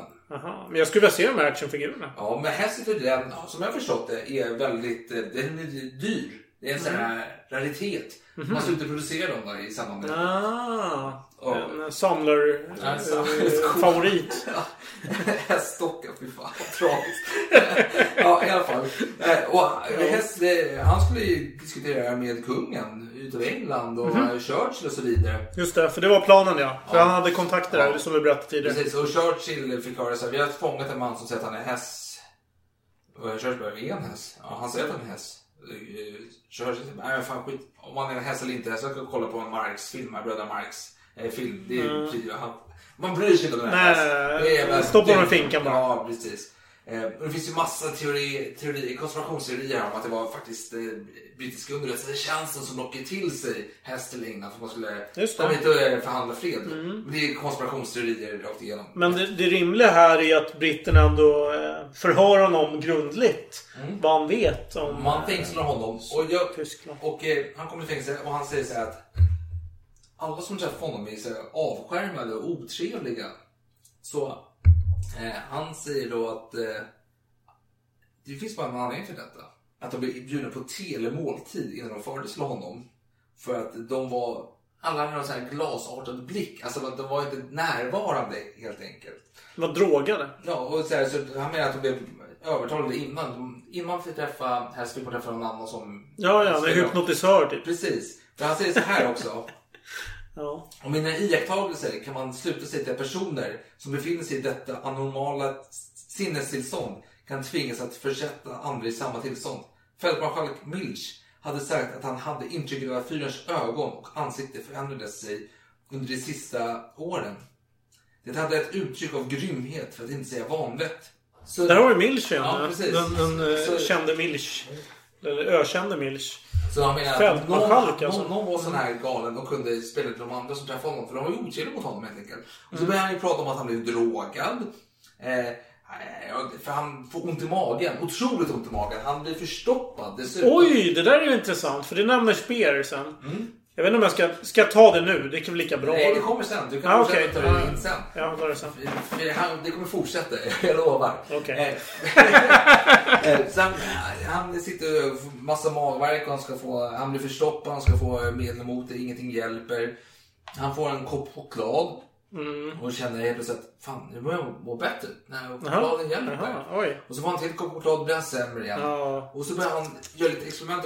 Så han eh, tar bort chokladen i smak och så Mm. kommer han fram till sina egna experiment. Då, att ena chokladen som han får Mm. innehåller gift som gör honom dålig. Ja. Så det här giftet kan inget annat läkemedel stoppa. Nej. Förutom det som finns i den andra koppen. Ah, det är motgift och gift. Motgift i Ja, ena ja. koppen. Så de vanliga medikamenten hjälper inte mot det här förstoppning och illamående och eh, magvärk och så vidare. Men det som finns i den här andra koppen hjälper. Och dessutom har man lagt, lagt syre i hans mat också. För han eh, stoppar ner gaffeln i mat i tallriken och så märker han att det blir så jag vet inte. Ja, påverkad helt enkelt. Ja, det är någon reaktion där, Ja, precis. Eh, Så han känner att de håller på att förgifta honom. Mm. Och eh, helt plötsligt börjar han eh, tappa minnet. Han börjar injicera massa saker mot... Eh, ja. Det låter ju väldigt skrämmande. Ja, men- Initiera massa saker. Jag vill helst säga att det är järngift. eh, Men man håller på... Han får ju injektioner. Han Ja. ser att han får det. Så han får ju det här. Okej. Och det här är engelskt fångenskap då. Ja, lite konstigt ändå. Om man inte berättar vad det är för något. nej, men, Varför ska han få- du veta vad det är för någonting? Det är, Det är ju inte TBE-vaccin liksom. Nej, men- Utan det är något skumt där. 5,5 KBC Evipan. Hur kan han veta det? Hur kan han veta det? Men det är så här ett dokument som finns i fängelsejournalerna som han har... Som det här bör ha fått reda på. Okej, okej. Så det, det är dokumenterat i efterhand vad det, han är fick? det, det utgår jag ifrån. Ja, jag har ingen aning om vad det där var faktiskt. Nej, det är ingen aning. Men massa saker. Och han sitter Ja, där. Han, Det är ju ingen... Det är, ingen, det är inte på någon sjukdom. nej, men han, han håller på där liksom. Han och- får en massa konstiga ja. sprutor. Ja. Och han håller på att lägga. Han är minnesförlust och minns ingenting vad han gör där. Så ärligt talat, det där låter... Jag vet inte vad det där är för sprutor. Varför får han dem för? Ja, men för att han har minnesförlust. Och helt plötsligt Ja, bestämmer han sig för att Ja. avslöja att nej, jag bara skämtade.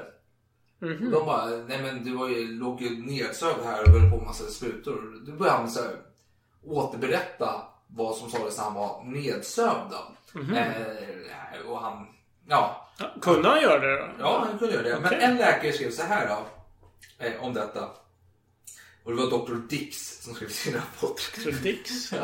Så det jävla Är det från... ja, är är det Playboy här som kommer in i spelet här igen? Ja. Det är inte bara Speer som skriver Playboy. Det är, även Hess. Det är Playgirl. Playgirl, okej. Ja, det är Eh, bra. Patienten har mycket dramatiskt tillfrisknat från den temporärt sjukliga förändringen av hans minne.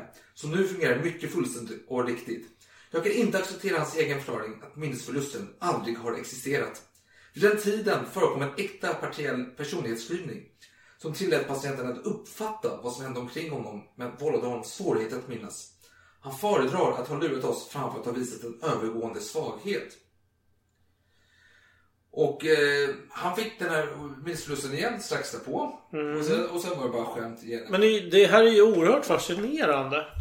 Det är så att han, han råkar ut för riktiga minnesförluster men han vill vända det till sin fördel. Och får det se ut som att han var väl medveten om det och fejkar. Men samtidigt, då, då, han hade ju riktiga minnesbilder om vad som hände. Precis, för, för han kom ju till Nürnberg sen. Fängelset där Speer och company satt Mm. plötsligt. Det ska, ja, Nürnberg är okej att prata om. Ja, Vi ska inte prata för mycket om Nej, nej, nej. nej. Spandau. Spandau. Men eh, han kommer dit och han får träffa Göring och han känner inte igen Göring. Vem är du? Liksom. Medan Göring lever. Ja, jo, jo, jo, jo. Före Före. och 15 oktober va? Ja. Då han tog sitt liv tror jag. Eh, och, han träffar så här, folk som varit hans assistenter. Alltså 46. Ja. Ja, ja. Eh, I alla fall. Ja, du, du raljerar här. det är väl inte vedertaget? Jag, jag, jag vill inte fastna här. Nej, jag förstår. Okej. Nej, han Det är en detalj. Han sitter och får se en massa saker. Han träffar Dödens kompani och han känner inte igen någon. Och de börjar prata om att, men jag kommer inte ihåg det här tillfället. Han, nej, jag minns inte ett dugg. Han fick se någon film han känner, på sig själv. Han känner inte igen sig själv ens. Det här är inte jag. Det här är inte mina sekreterare. Det här är ingenting. Och jag glömde säga det, förlåt jag glömde säga det förut. När Hitler fick det brevet om att Hess hade avvikit, nu är det fortfarande krigstiden här då, Ja. eh, i maj 41. Eh, Då så hade Hess skrivit var varsam mot min personal, alltså mina Mm. adjutanter. Vem hade han skrivit det till? Hitler. Jaha. Och det kan ju tyda på att Hitler inte eh, visste om planen då. Mm. För att han säger så här, Just det. eh, var arg, men det, det är inte de inte delaktiga. De är dock gripna allihopa eh, utav Hitler efteråt. De blev gripna? Mm. Okej. Ja, men det talar ju faktiskt för att han inte hade informerat Hitler. Och, och sen Speer eh, skrev ju att Hitler blev rasande här och fick ju eh, Hess läsa på 70-talet just Mm, detta. mm. Och då skrattade han åt så ja det kan jag tänka mig att han blev galen när han läste, när han fick det Ja, jo, men Hitler blev ju ofta galen. Jo, Alltså, när, när man gjorde någonting emot hans vilja. Verkar det som. Alltså nu går jag ut från Speer. Ja. Nej, men, eh, och han sitter i fängelsecellen här och det är kallt. Hans fönster fungerar inte. Det är, som Speer sa också, det är skitkallt i cellen. Det kan vara noll Mm. grader. Mm. Tydligen så hade de missat att eh, laga fönstret och sen man ordnar allting eftersom. Eh, Ja, han, mm. han börjar skriva dagbok och han eh, blir för eh, stoppad. Mm. Eh, och han får ont i magen. Ja, men det här känner jag igen från Speers Ja, dagbok. vad säger Speer om det då? Jag får mig att Hess frågade om han blev... Om han fick ont i magen eller vad det var av eh, det här sockret. För att Hess misstänkte att det här sockret som han hade fått, det, det var något dåligt med det. Så han gav sin ranson till Speer. Ja. Och Speer sa tvärtom mot vad Hess förväntade sig. Att man, nej, men däremot blev jag förstoppad av det. Alltså typ tvärtom mot vad Hess trodde. Då blev Hess förbittrad och eh, började köra med sockret igen. Ja. Tydligen. Det var, det var det Speer sa. Okej, ja, nej, men han skrev i dagbok den här tiden. Om bara får ta lite så här, inblickar och vad han skrev i dagboken. Eh, nu går jag bara rakt in. 4 november då, 46. Den amerikanska psykologen kom och utförde några övningar med mig avsedda att träna min koncentrationsförmåga och mitt minne. Han är övertygad om att båda kommer att bli bra och att den stimulansprocessen ger kommer att ha gynnsamt inflytande. Ingen avföring. Eh, Och nu har han tappat minnet igen då helt plötsligt. Eh, som Mhm. jag nämnde. För han minns ju ingenting när han kommer till Nürnberg. Nej. Eh, och sen den 7 november, fortfarande ingen uppvärmning. En tysk jurist visade mig en artikel i tysk tidning om det påstådda skälen till min Englandsfärd. Värmeledningen och fönstren reparerade. Varmt igen. Avföring. Så nu börjar det släppa. Ah, okej. Vad skönt för Ja. Och sen den, fem, den 15 november undersökt av Parisprofessorn beträffande minnet. Han föreslog injektioner, elektrochockbehandlingar eller chock genom återförening med familjen. Jag tillbakavisade särskilt den sistnämnda förslaget. Han vill inte träffa sin familj. Alltså lite medeltida recept här på hur man ska bota den här sjukdomen. Det är liksom elektrochock eller så träffa familjen. Det är också en chock. Liksom. då, flödar... Men det tog lång tid innan han träffade sin familj ska tilläggas också. Det Just det. För han har ju en son vet jag. Ja, en fru och en son. Och han säger att han vill inte träffa dem överhuvudtaget. Det är långt in i Spandau-vistelsen. De... Ja, men då ska vi inte prata så mycket om det nej, tror jag. Nej. Men i alla fall. Eh, han sitter där och eh, eh, han, han träffar ju alla de här fångarna eh, som är med honom.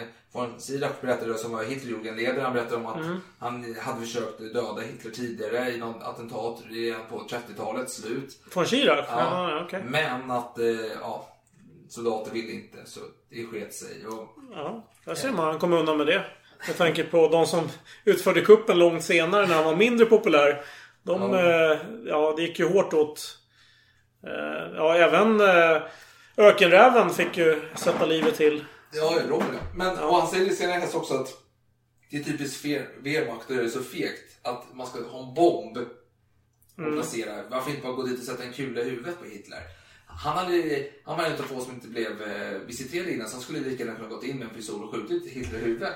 Mm, mm. Men att Wehrmacht var typiskt feg, fegisar att de inte bara körde ordentligt. Man ska sitta och ta en väska och ställa bredvid ett bordspel och så Mm. blockerar den explosioner och Hitler rör sig och allting går åt helvete. Och, Ja. Ja, många blir eh, dödade där av egentligen.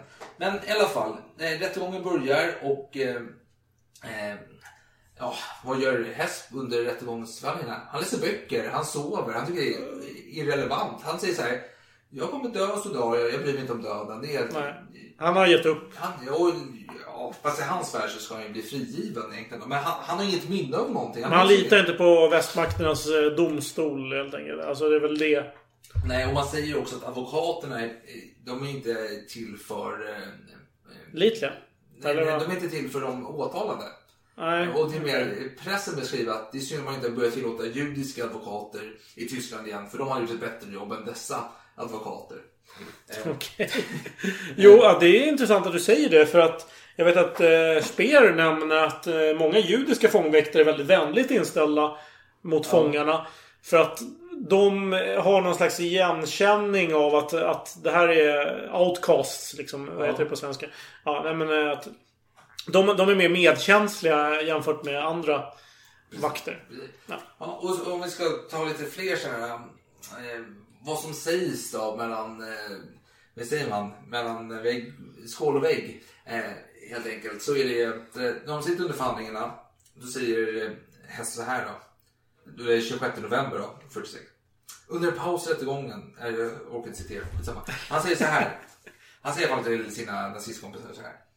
Det finns en makt, kalla den vad ni vill, som är större än judarnas makt. Och alla börjar nicka. Von Papen och kompis sitter och nickar och instämmer. Ja, det stämmer. Det stämmer. Och så sa han vidare så här att ett något liknande, ett underverk skulle komma att inträffa innan våra huvuden rullar.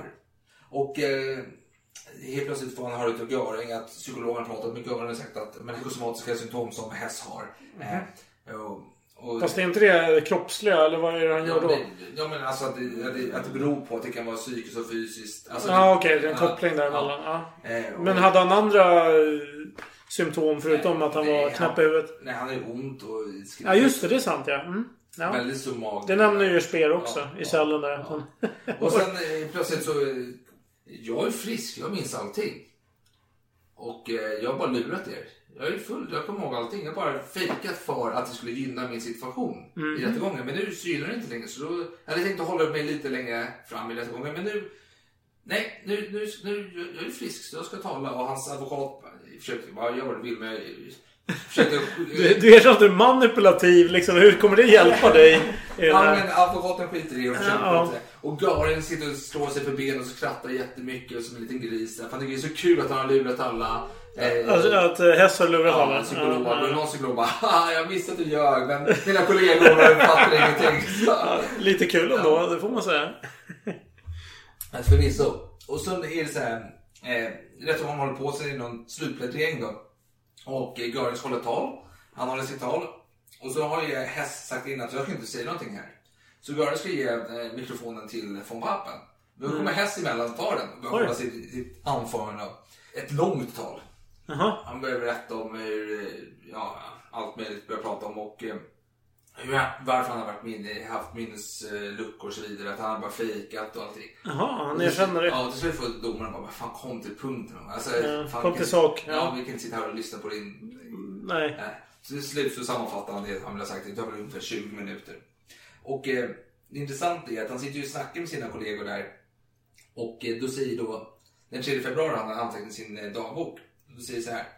Ribbentrop sade att han hade varit närvarande när fyren dikterade sitt brev till Daladier Det var så Frankrikes just premiärminister på 40 ja, 30-talet och 40-talet. Eh, några dagar före krigsutbrottet.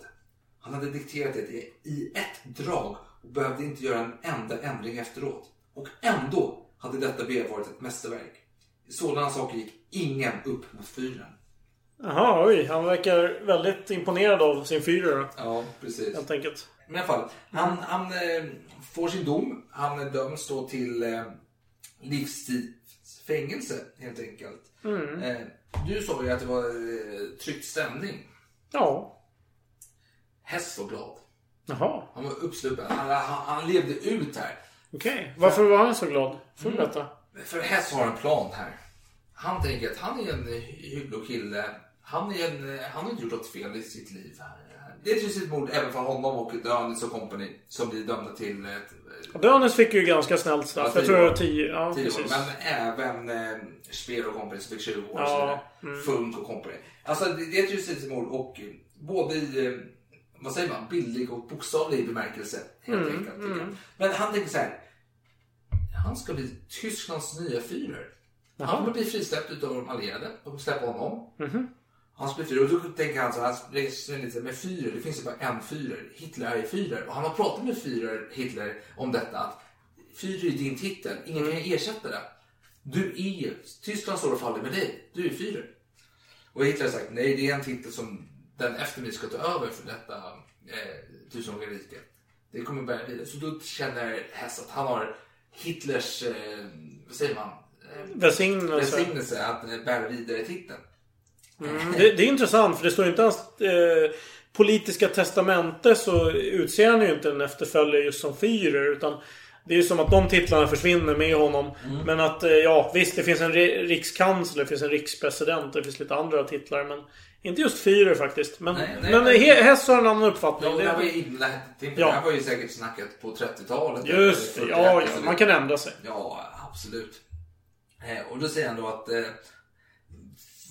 de ska samla sig, man, man ska inte sitta och kriga, man ska glömma allt som har skett helt enkelt. Man är en ny folkgemenskap här. Och man har sina lidelser och sina eh, och sitt eh, välstånd tillsammans. Man, det är som vanligt, vi ska gå vidare och göra det som är bäst för eh, Tyskland. Och ockupationsmakterna ska hjälpa till att stötta upp detta helt enkelt. Eh, och eh, han ska då, han vill ha ett rum i Nürnberg där han ska kunna ta emot eh, eh, telefonsamtal, telegrafsamtal, brev och så vidare. Mhm. Innan han förflyttar sig ner till München då. Just det, för det är där hans nya säte ska bli. Som ny Führer. Precis, så nu i Nürnberg under tiden när han, när han är nya ledaren ska han sitta ett tag och Mm. förbereda sig.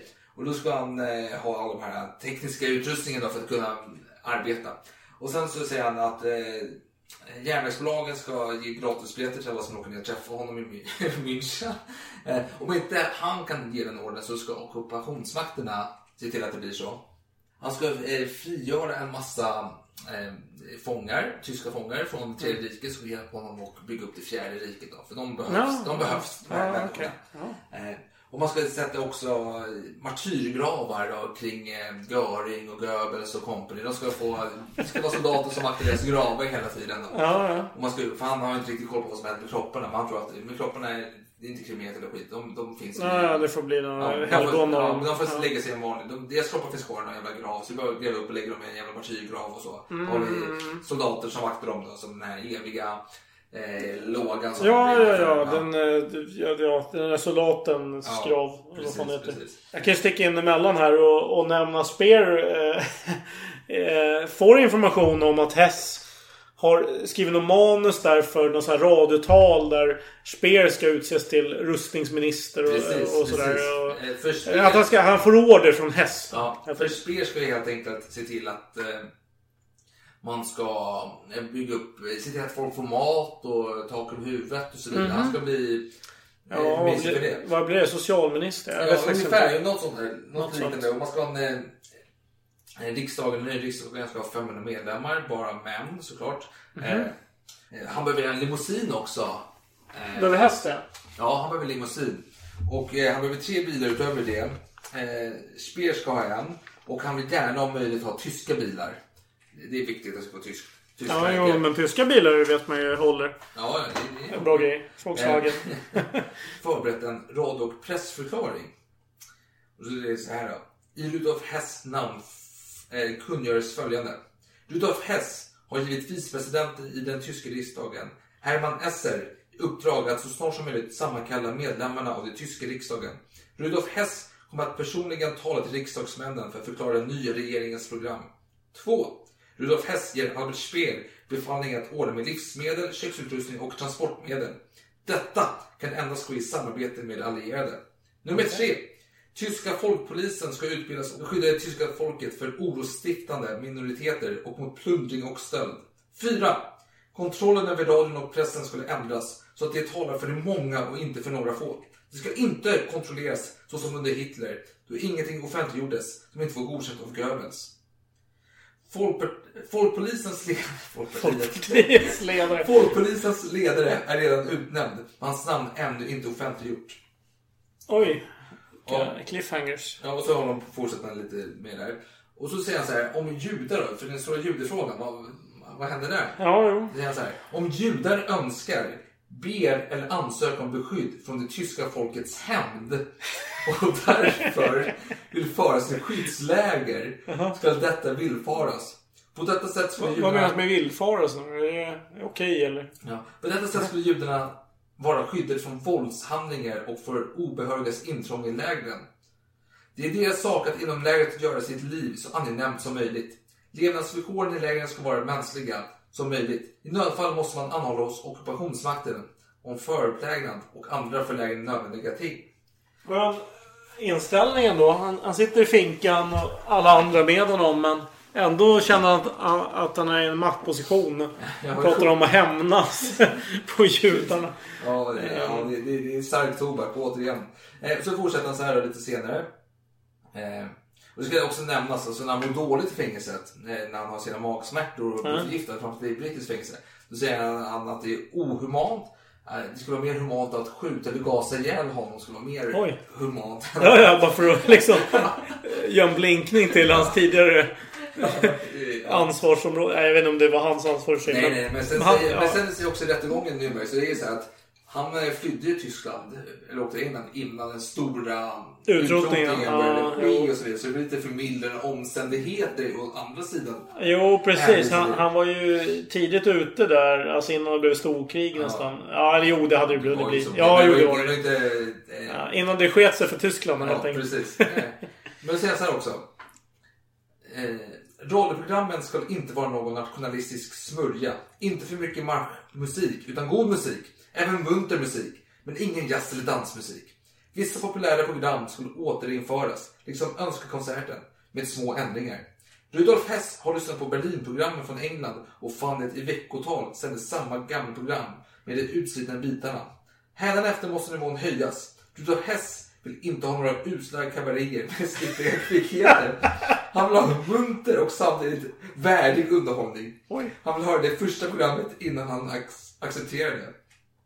Och som jag tolkar, för det här står inom citattecken, så jag antar att det är han som har... Alltså att Ja, skriver sig ja, själv ja. i tredje person. Man vet inte om nej, man var, Kan det inte vara författaren där som skrev, eh, med- citera honom då? Kan det, ja, det... Ja, fast det här är ju som han har skrivit i... Jaha, ja, ja, ja, ja, ja. Så det, han citerar i sig He- Hess. Som citerar sig själv. Det är den tolkningen jag gör. Ja, det- det är möjligt. men det är lite magstarkt skriva. Alltså med tanke på det vi har hört hittills kan jag köpa det. ja. Hur mycket marschmusik spelas det? Eh, Kanske spelas mer förr. Marschmusik är ju marsmusik. Men det spelas ju Marschmusik- inte, man hör ju inte så mycket på radio liksom. Marschmusik, det var ju populärt. Ja men nu är det inte så populärt. Marschmusik. Det är marschmusik. Jo, jag säger inte att det är dåligt men jag har ju inte hört det, själv. Var, men det var ju populärt på den tiden. alltså. Okej, jo men betyder det att de spelar hela tiden? För det lät ju på Hess som att man... Men det- Eh, öronbedövande Nazi- marsch. Nazityskland eh, hade med Ja men det var väl... eh, Han klagade inte på sin egen musik. Det var britternas musik han klagade på. Nej, marschmusik. Det var väl... eh, Han skulle säga, inte för mycket marschmusik, utan god musik. Man klagade på Londons sändningar va? Nej, det var senare. Det var Berlinprogrammet från England som man lyssnade Jaha, ja, ja. Men Sen vill jag kul. nämna att Tyskland hade ju det här äh, tyska jazzbandet eh, som man spelade. Vad fan hette de? Är det något med Charlie de hette? Eller vad fan hette de? Någon sån nazistisk jazzmusik som han skulle spela för att kontra mot eh, den brittiska Jaha, jazzmusiken. men det har jag inte hört. Jo, Det här är oerhört det har vi pratat om för länge sedan. Ja, men då har jag förträngt det. Charlie och hans orkester heter tror jag. Nej, det var Hans orkester. eh, Det är inte Charlie i chokladfabriken, men det är Charlie och hans orkester. Ja, det är Nazistisk jazzmusik. Ja, det är ju fascinerande. Ska vi hitta någon musik därifrån så vi kan spela? A lot of dough, a lot of gold. The British Empire's being sold. We're in the money, thanks to Frankie. We're making whoopee. Washington is our ghetto. Roosevelt our king. Democracy is our motto. Think what a war can bring. We throw our German names away. We are the kikes of USA. Who is that man with the big cigar? Whose greatest friend is the USSR? He's known around from near and far. That actor man with the big cigar. När vi kommer vidare då eh, till eh, männen i den tyska riksdagen så är han så här då. Jag tänker på det döda. De miljoner döda som vårt folk måste offra under åren av förtvivlad kamp för frihet och bröd. Jag tänker på de offer som måste falla efter kampens slut därför att vi förlorat friheten och med friheten vårt levebröd. Framförallt tänker jag på en av de döda. Skaparen av och fyren för det nationalsocialistiska riket, Adolf Hitler. I min smärta känner jag mig förenad med alla här och med miljoner där utanför, vilkas trohet ej låter sig rubbas. Jag tänker på de många män som gjort sig förtjänta av vårt folk och fosterland och måste dö därför att de dömdes till döden. Främst av alla mina elva kamrater som blev offer för Nürnbergprocessen med Riksmarskalk Göring i spetsen. Samtidigt tänker jag på alla de andra tyskar, bland dem kvinnor, flickor och pojkar, som måste dö som offer för förfärliga justitiemord. Justitiemord för vilket domarna var lika lite ansvariga som de dömda för förbrytelse för vilket de dömdes. Jag ser stora tom rum i era led, det led av anförare för rörelsen som har församlats här i riksdagen. Några av dem har fallit, mestadels under försvar av de områden som var dem anförtrodda. Några frivilligt för egen hand, några blev mördade under förevändningar av rättsliga domar. Bland dem finns många väl kända namn, män som hängivet har tjänat sin nation i krig och fred. Jag tänker på alla dem som under krigets sista dagar och senare valde att dö för egen hand. Jag nämner, som representant för alla de andra kvinnor som inte kunde avhållas från att dö tillsammans med sina äkta män, vår Führers hustru. Jag tänker på fru Goebbels som i egenskap av mor till sin mans öde tillsammans med fem barn, och det var sex barn då, eh, mödrar tog sina barn med i döden därför att de inte längre kunde se dem hungra. Ja. Eh, han fortsätter också så här då. Ett grymt öde bestämt att grundaren av det nationalsocialistiska riket skulle dö i tron att hans verk var förstört för alltid. Fyren gick frivilligt till döden. Han valde att dö därför att han inte hade ett annat val. Eh, och han fortsätter sen att berätta om att eh, hade Hitler levt så hade han blivit utsatt för den här omänskliga behandlingen i Nürnberg. Han skulle bli ett offer. Symbol, politik helt enkelt. Mhm, Det skulle inte vara... Man, ja, det är bara politik helt enkelt. Ja, ja, ja, ovärdigt ett uh, rättssamhälle då. Ja, det är hans värld helt enkelt. Ja, Eh, precis. Kul att det här vinet nästan heter Spandau. Eh, pratar inte om Spandau, men det heter Spanna. Vin och Spanna. Från 73. Avrättningarna i Nürnberg var justitiemord. Det var domarna medvetna om. Efter dödsdomarna klamrade jag mig fast vid förhoppning att ödets tidvatten skulle börja vända innan, domen, innan domarna gick i uppfyllelse. Förgäves. Kanske måste avrättningen av helt oskyldiga personer, av vilka några har världsberömda namn, äga rum inför världens ögon. För att mänskligheten skulle bli helt medveten om hur oändligt stor förbrytelsen och hur skrupelfria förbrytarna är. De elva stöd konflikters och återverkningar som deras martyrskap har haft. Ty det leder sanning martyrdöden. Allt gjordes för att bryta ner fångarnas mod och öka deras själskval. Ändå bevarade de i högsta grad sin manliga hållning och fann sig med högburet huvud i sitt bittra öde. I månader slitna mellan hopp och förtvivlan motsåg de med beundransvärt mod sitt säkra slut. Rakryggade skred de fram mot döden. En var de en hjälte. Bara en av dem, Hermann Göring, hade möjligheten att genom självmord undgå avrättningen. Det traseri och den besvikelsen som det tyska folkets fiende gav uttryck åt, även i press och radio, visar hur rätt han gjorde i att handla så, för att inte bjuda världen på det planerade skådespeleriet. Hängningen av en tysk riksmarskalk.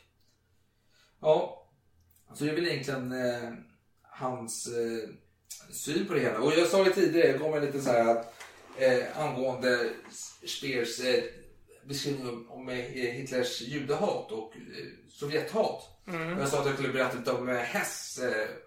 Eh, och jag vill tillägga att Hess kallade ju Hitler för en jävla fyr i stormen. I, mer eller mindre lite såhär Jan Johansen-feeling där. Vänta, en jävla... Alltså med hat det blir... Nej, nej, nej, det är jag som gick till jävla. Ja, ja, ja. en med, fyr. med kärlek i... Ja, men han säger att, han var en fyr ungefär. Ja, ja. Så Fyren en fyr. fyrbåk i Ja. eh, mörkret liksom. Men han skriver så här i alla fall angående judar och eh, varför, varför, varför hatar man ryssar så mycket om man hatar judar så mycket? Han skriver så här. Eh, han skrev att bolsjevikväldet är judevälde.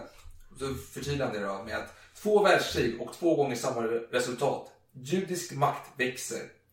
Fordras det stora politiska framsynthet för att inse att det tredje världskriget redan är under förberedelse? Frågetecken. Det nya världskriget, denna gång, kommer fronten att vara å ena sidan bolsjevikerna och å den andra sidan anglosaxarna. Vem kommer att vinna? Den sida kommer att vinna som har de hemliga agenterna på sin sida. Det verkliga maktinstrumentet i judarnas händer är bolsjeviken. Det bevisas av det faktum att under årtal varit en jude som forskningschef i amerikanska atomkraftsorganisationen. Och jag antar att det är då Oppenheimer som är amerikanska Ja, ja, ja, som var ledare för- Manhattan-projektet. Ja, precis. Eh, tror någon att denna jude, hittills okänd bland vetenskapsmännen, plötsligt har placerats i den höga ställning där alla hemligheterna beträffande det framtida kriget måste finnas tillgängliga? Atombomben kommer att bli det huvudsakliga vapnet för de judisk-bolsjevikiska ledarna, trots att den också befinner sig i brittiska och amerikanska händer. Sovjetunionen kommer förmodligen att begagna den först och kunna tillintetgöra allt i väster. Då är den bästa möjliga ursäkt för att göra det, för att det kan säga väst använde den först. De anglosaxiska länderna kommer att vara den första att gå under. Jag, Rudolf Hess, har varnat er. Oj. Vilken... Eh, vilken drop mic moment.